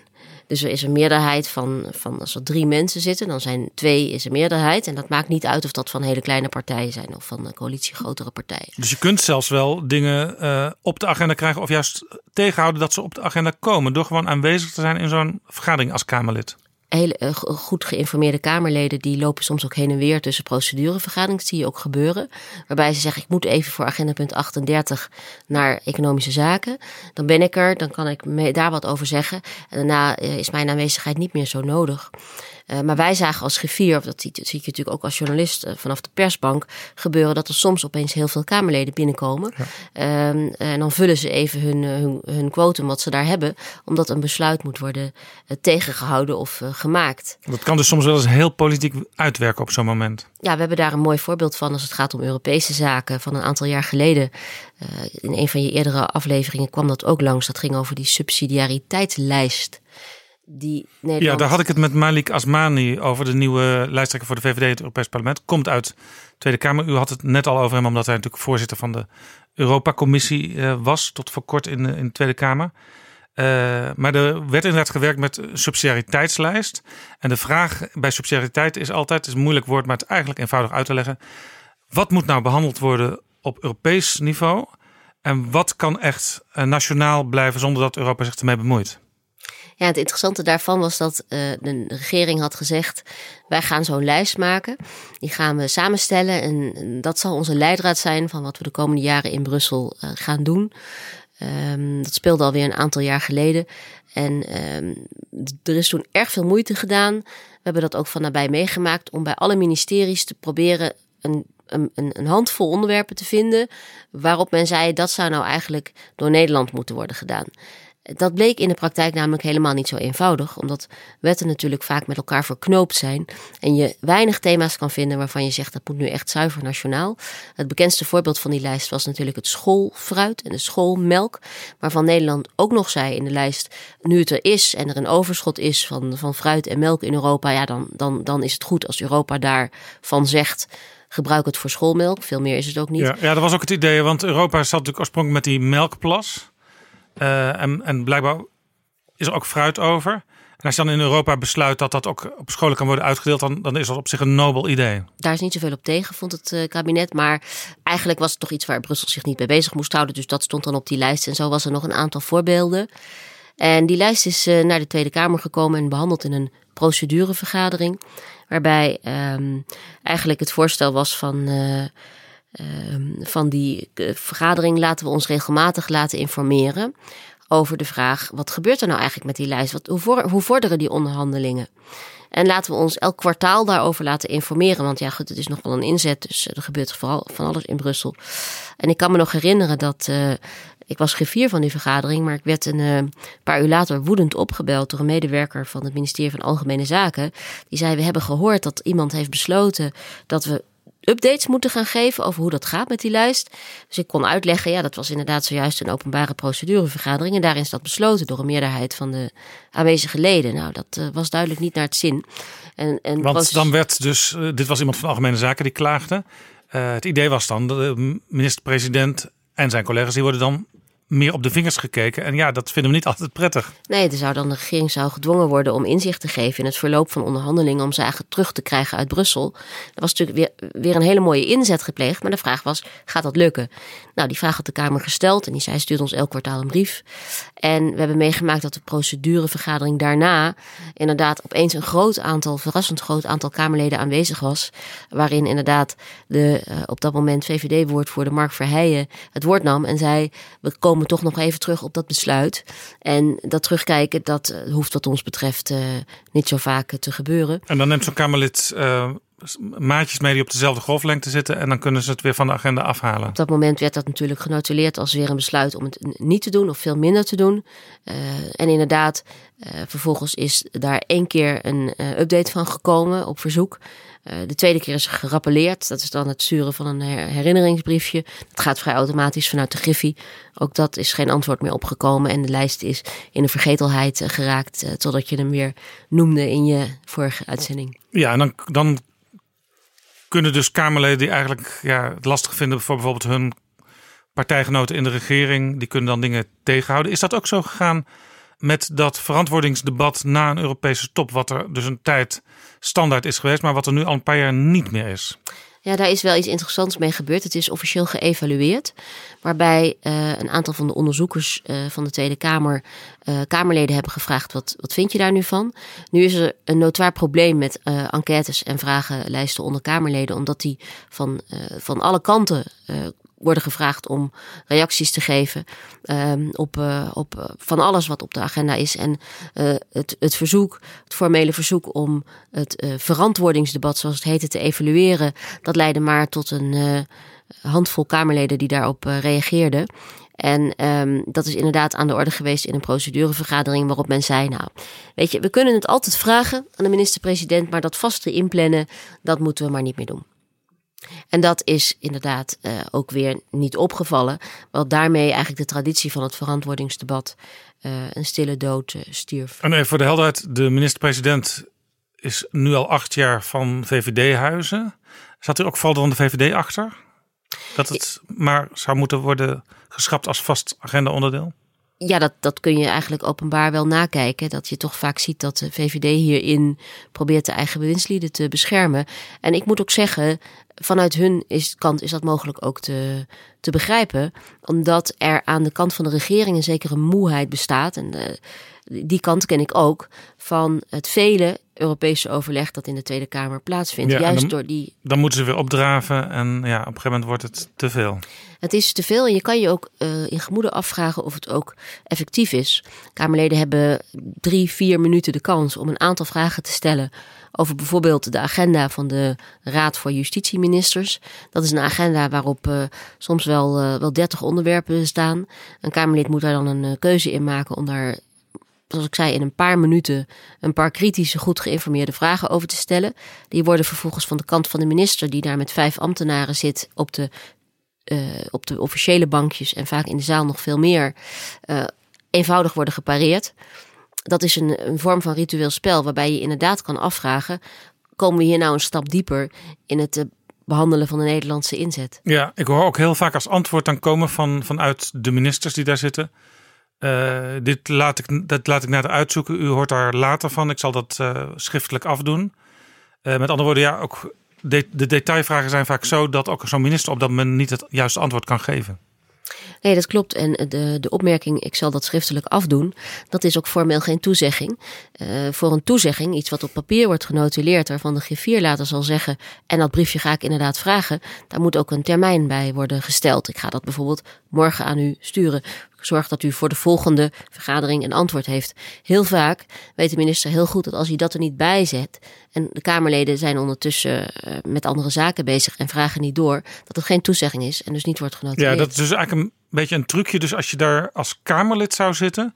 dan moet je opletten. Als je iets gevraagd hebt, dan moet je aan het eind van de vergadering ook even via de voorzitter nog even.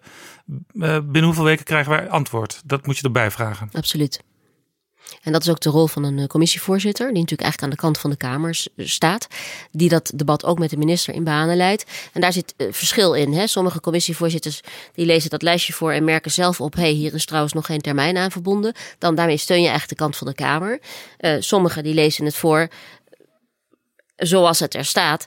En dan kan van beide kanten worden geconcludeerd, ja, dat is eigenlijk een vage toezegging en daar hoeft ook niet op worden teruggekomen. Ja. Dit is Betrouwbare Bronnen met Jaap Jansen. En ik praat met Mendeltje van Keulen, lector Changing Role of Europe aan de Haagse Hogeschool.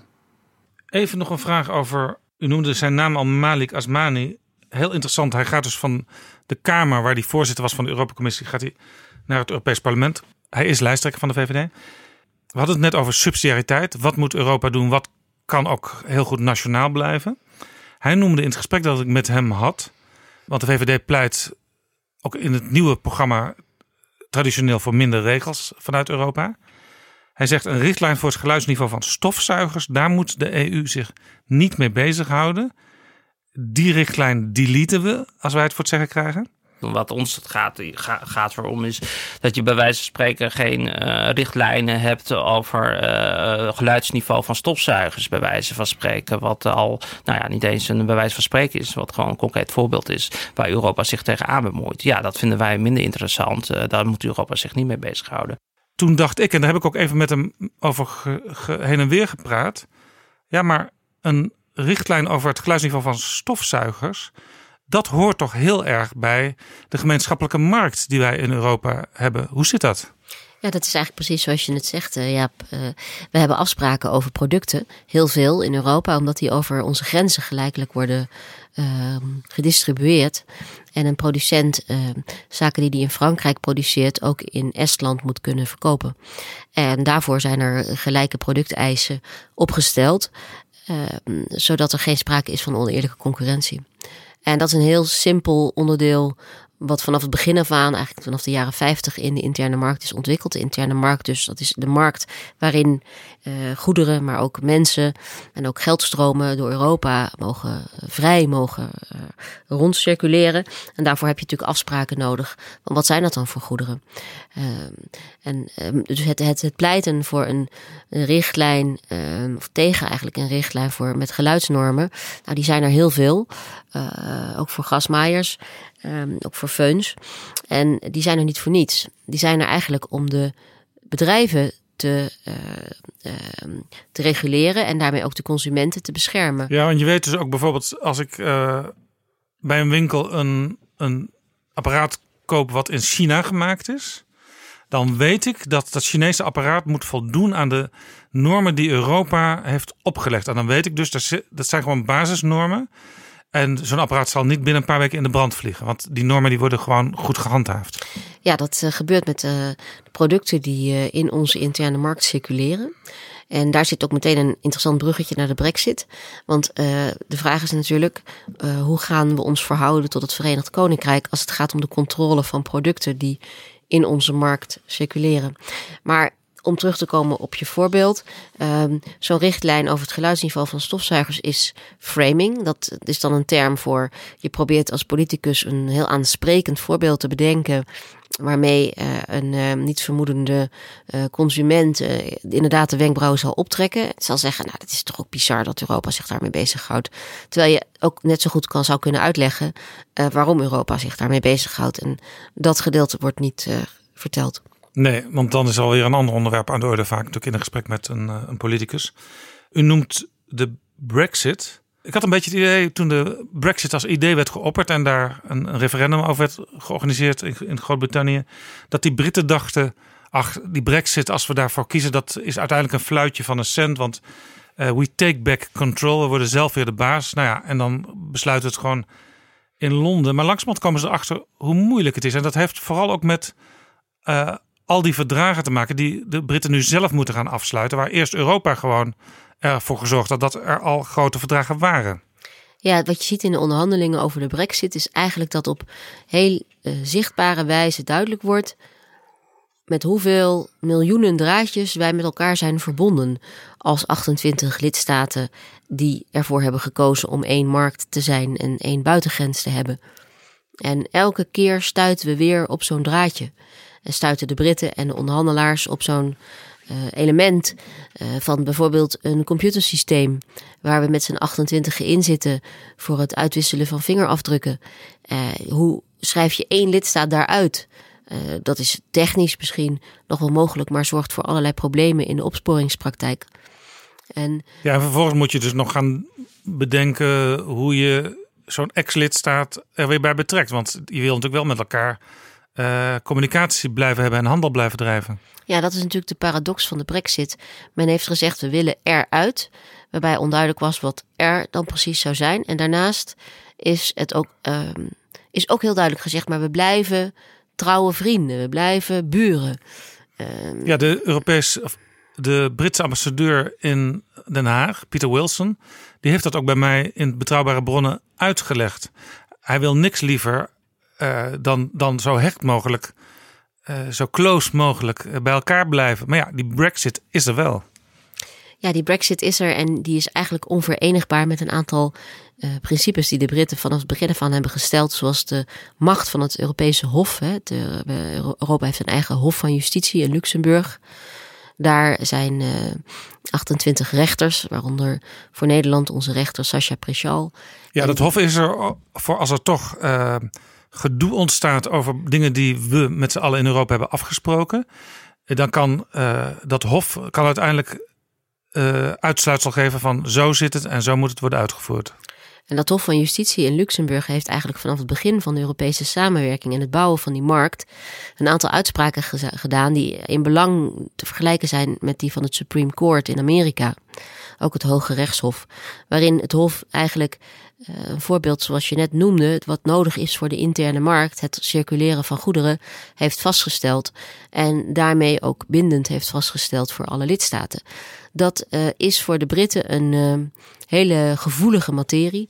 En zij hebben eigenlijk vanaf het begin af aan gezegd: wij willen niet dat andere rechters boven de onze zijn gesteld. Daarmee willen ze daaruit, uit die rechtsmacht van dat hof. En dat blijkt nu heel ingewikkeld als je toch uh, economisch met elkaar verbonden blijft. U had in uw intrerede een mooi voorbeeld, vond ik, over benzinelabels. Europa komt met, uh, met nieuwe benzinelabels. Daar wordt dus ja, iedereen die uh, benzine tankt, wordt daarmee geconfronteerd. U had een aantal krantenknips meegenomen bij die intrerede. Grote koppen, grote chocoladeletters over wat ons nu allemaal boven het hoofd hangt. Maar ja, dit was typisch voorbeeld van iets wat al heel lang in de pijplijn zit. Ja, dat uh, kun je in dit geval bijna letterlijk zeggen. Als je het gaat over de benzinepomp. Ik was daar vanochtend ook even en ik zag ze, zag ze de, de stickers die staan E5, E10. Het gaat geloof ik om het octaangehalte van, uh, van benzine. Um, en daarover heeft het, de Europese Raad van Transportministers een paar keer onderhandeld in 2014. Uh, dus dat is vier jaar geleden. Uh, ik heb eens gekeken naar de Nederlandse inzet. Die was positief. Die zei dat is eigenlijk heel logisch. Want automobilisten, vrachtwagenchauffeurs die over de grens rijden. nou, die worden dan geconfronteerd met allemaal gekleurde stickers. En eigenlijk is het handig als we daar één naam voor hebben. Wat is nu precies diesel? Wat is. Ja, dan maakt het niet uit of je nou in Nederland tankt of in Luxemburg of in Spanje. Je ziet dezelfde stickers, dezelfde kleuren en je weet wat je hebt. Precies, en je hoeft maar te onthouden, oh ja, mijn auto rijdt op E5. Ik eh, gebruik daar nu een willekeurig voorbeeld. Maar wat er eigenlijk achter zat, is dat ik die uh, krantenknipsels, en die had ik uit een willekeurige uh, Nederlandse krant, uh, in dit geval het NRC, gehaald, maar ook uit het vakblad voor tankstationhouders. Die beide zeiden Europa beslist. Ja. En Europa voert nieuwe benzinelabels in. Europa als soort abstracte moloch ver weg. Als een anonieme entiteit, als een vreemdkörper die uh, eigenlijk onverhoeds ervoor uh, in, ingrijpt in onze uh, tankstations. En als je dan dus even verder zoekt, dan zie je dat dat dus een richtlijn was. En een richtlijn, dat klinkt richtinggevend, maar dat is een bindend besluit. Maar dat moet nog een tijdje. Ja, richtlijn is eigenlijk een ander woord voor Europese wet. En die wordt vervolgens door de nationale lidstaten uh, uitgevoerd en in, in, nationale wetten omgezet? Ja, dan komt er een implementatiewet als die richtlijn er eenmaal is. En dan krijgt dan zo'n lidstaat twee jaar voor of drie jaar voor. Ook in Nederland is dat gebeurd de afgelopen jaren. Dat is omgezet in regels hier voor inderdaad de branche. En die branche is onthutst in eigenlijk de uitspraken. Uh, je zag een uitspraak van de BOVAG uh, die ik citeerde. Waar komt Europa nu weer mee? Dat was een beetje het idee. Dit is in Europa besloten, dus letterlijk, dus daar hebben wij niets mee van doen gehad. En dat uh, viel mij op. Maar eigenlijk viel het me ook niet op, omdat ik, als ik een willekeurige krant ook van vandaag zou openslaan, daar weer voorbeelden van zou zien. Maar ook zo'n BOVAG heeft toch vaak ook weer mensen in Brussel zitten die daar ook aan het lobbyen zijn? Ja, dat klopt. En daar hebben ze ook de afgelopen jaren, weet ik, in geïnvesteerd. Maar klaarblijkelijk is toch de tendens, en daar zit misschien ook een stuk framing in, of een keuze van een persvoorlichter, die uh, daarbij zegt ook ter wille van zijn leden. Het is natuurlijk ook belangrijk. Uh, de, de tankstations, de garages. Van ja, jongens, hier zijn, hè, daar zijn we toch eigenlijk ook niet zo blij mee. Um, en je zou natuurlijk zeggen, idealiter is er een soort van um, logisch overzicht tussen wat we vier, vier, jaar geleden hebben onderhandeld, waar we als Nederland ook blij mee waren, omdat wij voor de interne markt zijn en dat het prima idee vonden. Er is weinig over gepraat.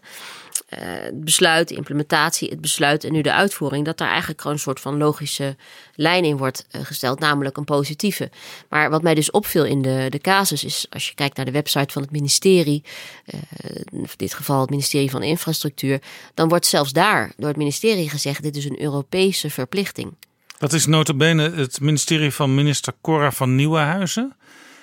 Infrastructuur en Waterstaat. Cora van Nieuwenhuizen, die jarenlang in het Europees Parlement als, als lid heeft gezeten. En die dus nog meer zou je zeggen dan het gemiddelde Tweede Kamerlid. Uh, een idee heeft van waar is Europa mee bezig, waar staat Europa voor. En zelfs dat departement onder haar hoede zegt: dit is iets wat uit Europa komt. Ja, Cora van Nieuwenhuizen was daarvoor Kamerlid. En ik heb in die tijd ook veel met haar mogen werken. Ze was voorzitter van een Kamercommissie die toen bestond: Immigratie en Asiel. En wij reisden ook door Europa. En zij zei altijd: joh, ik ben echt van plan om als ik in Europa ben, die verbinding met het Haagse heel goed te houden. Want ik zie ook wel, ook als Kamerlid, uh, nou, wat dat, uh, wat dat voor een ingewikkeldheid is. Maar ik ga me daarvoor inzetten. Ze heeft ook in Brussel een aantal interessante rapporteurschappen gedaan. Onder andere voor financiële sector. Ze is nu terug als bewindspersoon en toch zie ik in zo'n persbericht van haar ministerie eh, die term Europa als vreemdkörper terugkomen. En wat me ook opvalt, dat moet ik dan ook zeggen, is dat er klaarblijkelijk uh, journalisten zijn die dat overpennen, zo'n persbericht. En die dan dus ook niet vragen van Europa besluit wie, waar. Hoe, hoe, lang geleden is dat al? Vier jaar geleden had de tankstationbranche zich daar dan niet op kunnen voorbereiden. Ja, dus je moet als journalist ook opletten dat, dat zelfs teksten die uit een ministerie komen, waarvan je denkt dat is een soort van uh, overheidsobjectiviteit, ja, dan moet je soms ook even twee keer nadenken van klopt dat wel wat daar staat? Net zoals eh, Kamerleden daarvoor moeten oppassen als ze brieven krijgen over de Europese agenda, waarbij de standpunten staan van de minister, zich moeten realiseren. Nou, ja, dat zegt deze minister wel, maar het is misschien interessant om eens bij mijn Poolse uh, partijgenoten te gaan navragen uh, wat zij voor informatie hebben gekregen over dit specifieke onderwerp. Misschien eventjes naar um, de ontwikkeling van Europa in het algemeen. Uh, want het wordt natuurlijk weer een belangrijk jaar. Europese verkiezingen komen aan nieuw Europees parlement. En daarna ook een uh, nieuwe Europese commissie. De, de rollen, de hoofdrollen in Europa worden herverdeeld. Um, politieke partijen schrijven op dit moment ook hun verkiezingsprogramma's. St standpunten worden herijkt, zou je kunnen zeggen. Uh, we zien de laatste tijd in Europa een soort tendens naar misschien is het toch niet zo slecht als we naar een Europa van verschillende snelheden gaan. En dat je op verschillende terreinen uh, niet allemaal meer met dezelfde groep landen samenwerkt, maar dat sommige wat sneller zijn en andere misschien later uh, bijkomen. Hoe kijkt u naar dat fenomeen? Nou, het is om te beginnen geen nieuw fenomeen. We hebben al voor een aantal belangrijke beleidsterreinen in Europa verschillende snelheden. Ik noem bijvoorbeeld de euro. Ja, dat is het belangrijkste voorbeeld natuurlijk. Hè. Het, de, de munt die we hebben. Uh, je gaat langzamerhand denken als je in Nederland functioneert van uh, als je in Nederland leeft. Dat is in heel Europa zo, maar soms kom je in een land en daar, hey, daar hebben ze geen euro. Uh, dus dat is een goed voorbeeld. Meer snelheden. Het is wel de bedoeling dat de meeste landen uiteindelijk die euro krijgen, maar dan moeten ze zich voor kwalificeren. Enkele hebben zich bij het verdrag over de euro uh, erbuiten geplaatst. Het belangrijkste voorbeeld op dit moment is natuurlijk Groot-Brittannië. Misschien een soort voor, voorbode van de Brexit achteraf gezien. Uh, maar dat is dus een ontwikkeling, meer snelheden. Uh, ja, ik kan me voorstellen dat als je, als je heel erg Europeaan bent of jezelf eurofiel voelt, wat natuurlijk een beetje scheldwoord is, dat je denkt, nou het zou toch beter zijn als alle landen in Europa op alle terreinen dezelfde regels hebben dat zou misschien een utopie zijn of een ideaalbeeld uh, wat geen realiteit is. Omdat je ziet dat er zo ongelooflijk veel verschillen zijn. Alleen al tussen Nederland en België. Laat staan tussen Nederland en Portugal of uh, Nederland en Tsjechië.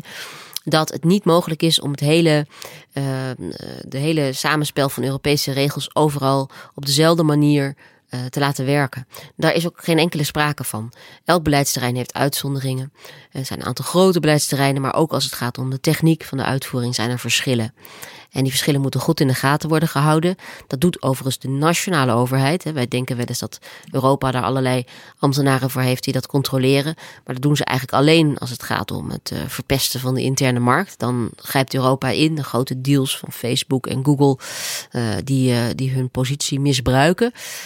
maar op alle andere terreinen is de nationale overheid eigenlijk de, degene die ervoor moet waken dat hier die regels goed worden uitgevoerd.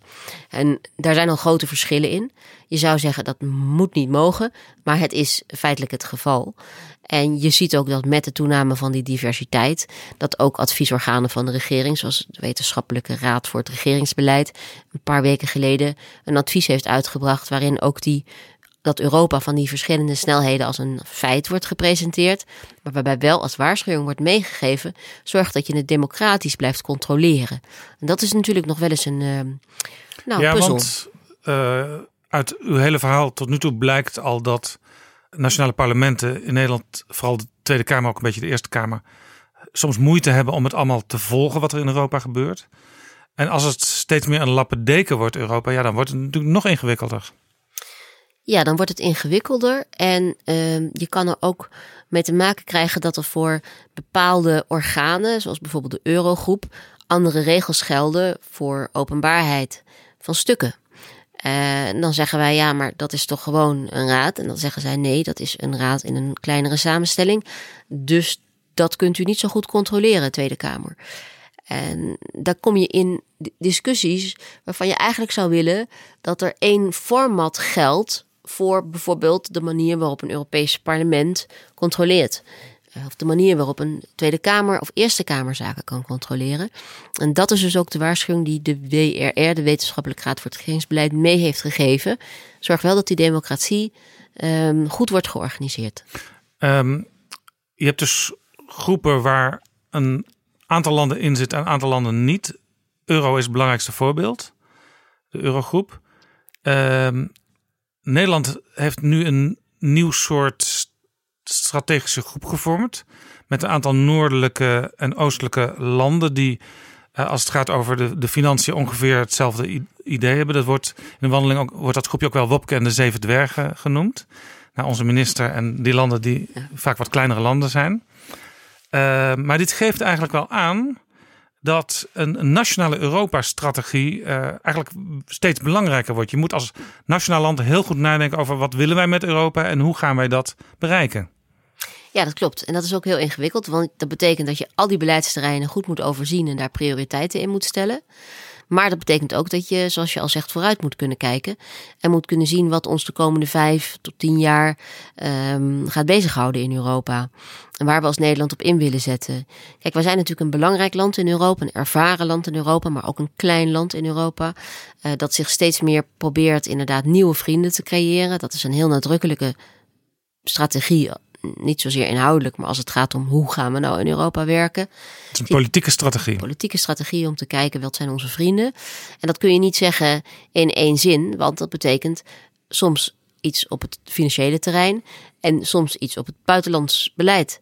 En bij het buitenlands beleid en de defensie zie je bijvoorbeeld dat een aantal landen neutraal zijn, neutraal willen blijven, dus daar, zich daar niet mee willen inlaten. En dan kan het zomaar zijn dat je heel andere vrienden hebt. Dus je, zou, je hebt eigenlijk een web van relaties met, met de Europese Unie. Ja, er zijn zelfs landen die wel lid zijn van de Europese Unie, maar niet van de NAVO, om het even over defensie te hebben. Eh, en er zijn landen zoals de Groot-Brittannië die er nu uitstappen uit de EU, wel in de NAVO zitten, maar ook weer met Europa willen blijven samenwerken in versterkte Europese samenwerking. Dat maakt het er allemaal niet eh, ja, transparanter op. Nee, dat zijn van die uh, ontwikkelingen die we de komende jaren kunnen, kunnen vooruitzien. Het zal zeker niet makkelijker worden. En de vraag is ook wel, wat is inderdaad dan de strategie van dit, uh, dit kabinet? We moeten natuurlijk ook een beetje over de eigen schaduw heen kijken, want het is over kabinetsperiode heen. En wat me daarin opvalt is dat we wel veel namen horen als het gaat over het toekomstige politieke spel in Europa. We hebben de naam van onze eurocommissaris gehoord, uh, Frans Timmermans. Frans Timmermans. Nu officieel spitsenkandidaat voor de Socialistische Partij. We hebben de naam van Mark Rutte gehoord, vooral in Brussel. Hier in Den Haag uh, wordt dat nog uh, in ieder geval door hemzelf. Uh, ja, Mark Rutte zei onlangs op een bijeenkomst met Angela Merkel, waar ik bij was. daar werd natuurlijk gevraagd van, aan mevrouw Merkel: van, Vindt u Rutte een goede kandidaat om bijvoorbeeld de Europese Raad te gaan leiden? En voordat Merkel ook maar één antwoord kon geven daar, ze stonden naast elkaar, zei Rutte: uh, ik ben geen kandidaat. En uh, er is altijd één Kamerlid, Thierry Baudet, die daar mij naar vraagt in elke vergadering.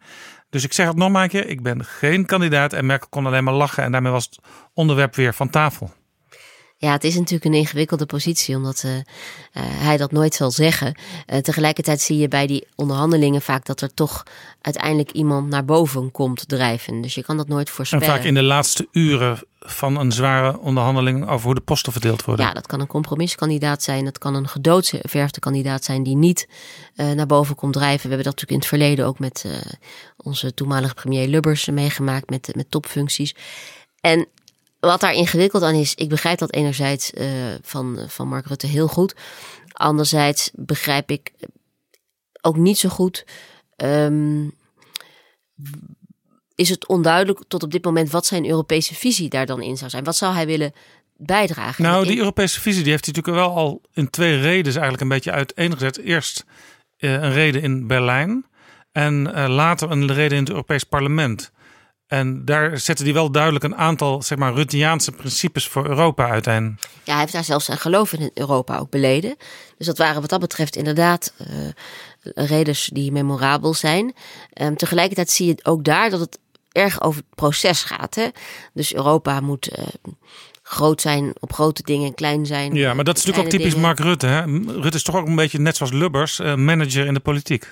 Ja, dat, ik denk dat je dat, uh, dat je dat goed kan zeggen. En de vraag is dus, als hij uh, dat managen, wat hij op nationaal niveau zo uh, vakkundig doet, waar hij zo lange ervaring in heeft, als hij dat ook, zoals men zegt, aan de Europese raadstafel doet. dat, dat hoor je wel eens hè, van bronnen in Brussel. Ja, je hoort waarderende woorden uit Europa over Mark Rutte. Ja, hij heeft daar een lange staat van dienst inmiddels. hij kan echt als oliemannetje fungeren In, uh, ook in uh, bilaterale, trilaterale gesprekken in de marge.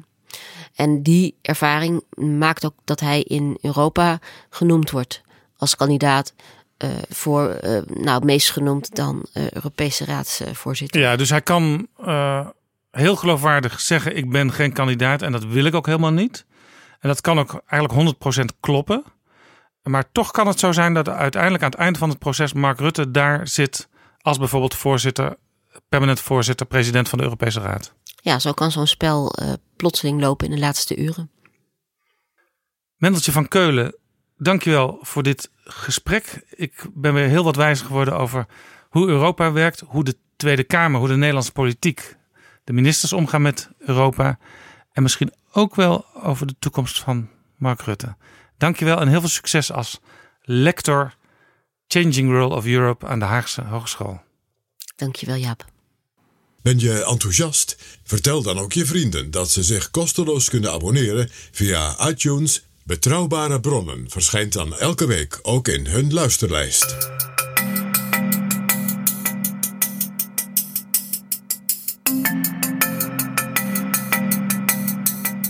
Zo, dit was aflevering 11 van Betrouwbare Bronnen. Met dank aan mijn gasten Sibrand Buma, Wiete Buma, PG Kroeger en Mendeltje van Keulen. Ik ben benieuwd wat je van deze podcast vond. Laat het weten via een recensie op iTunes of via Twitter.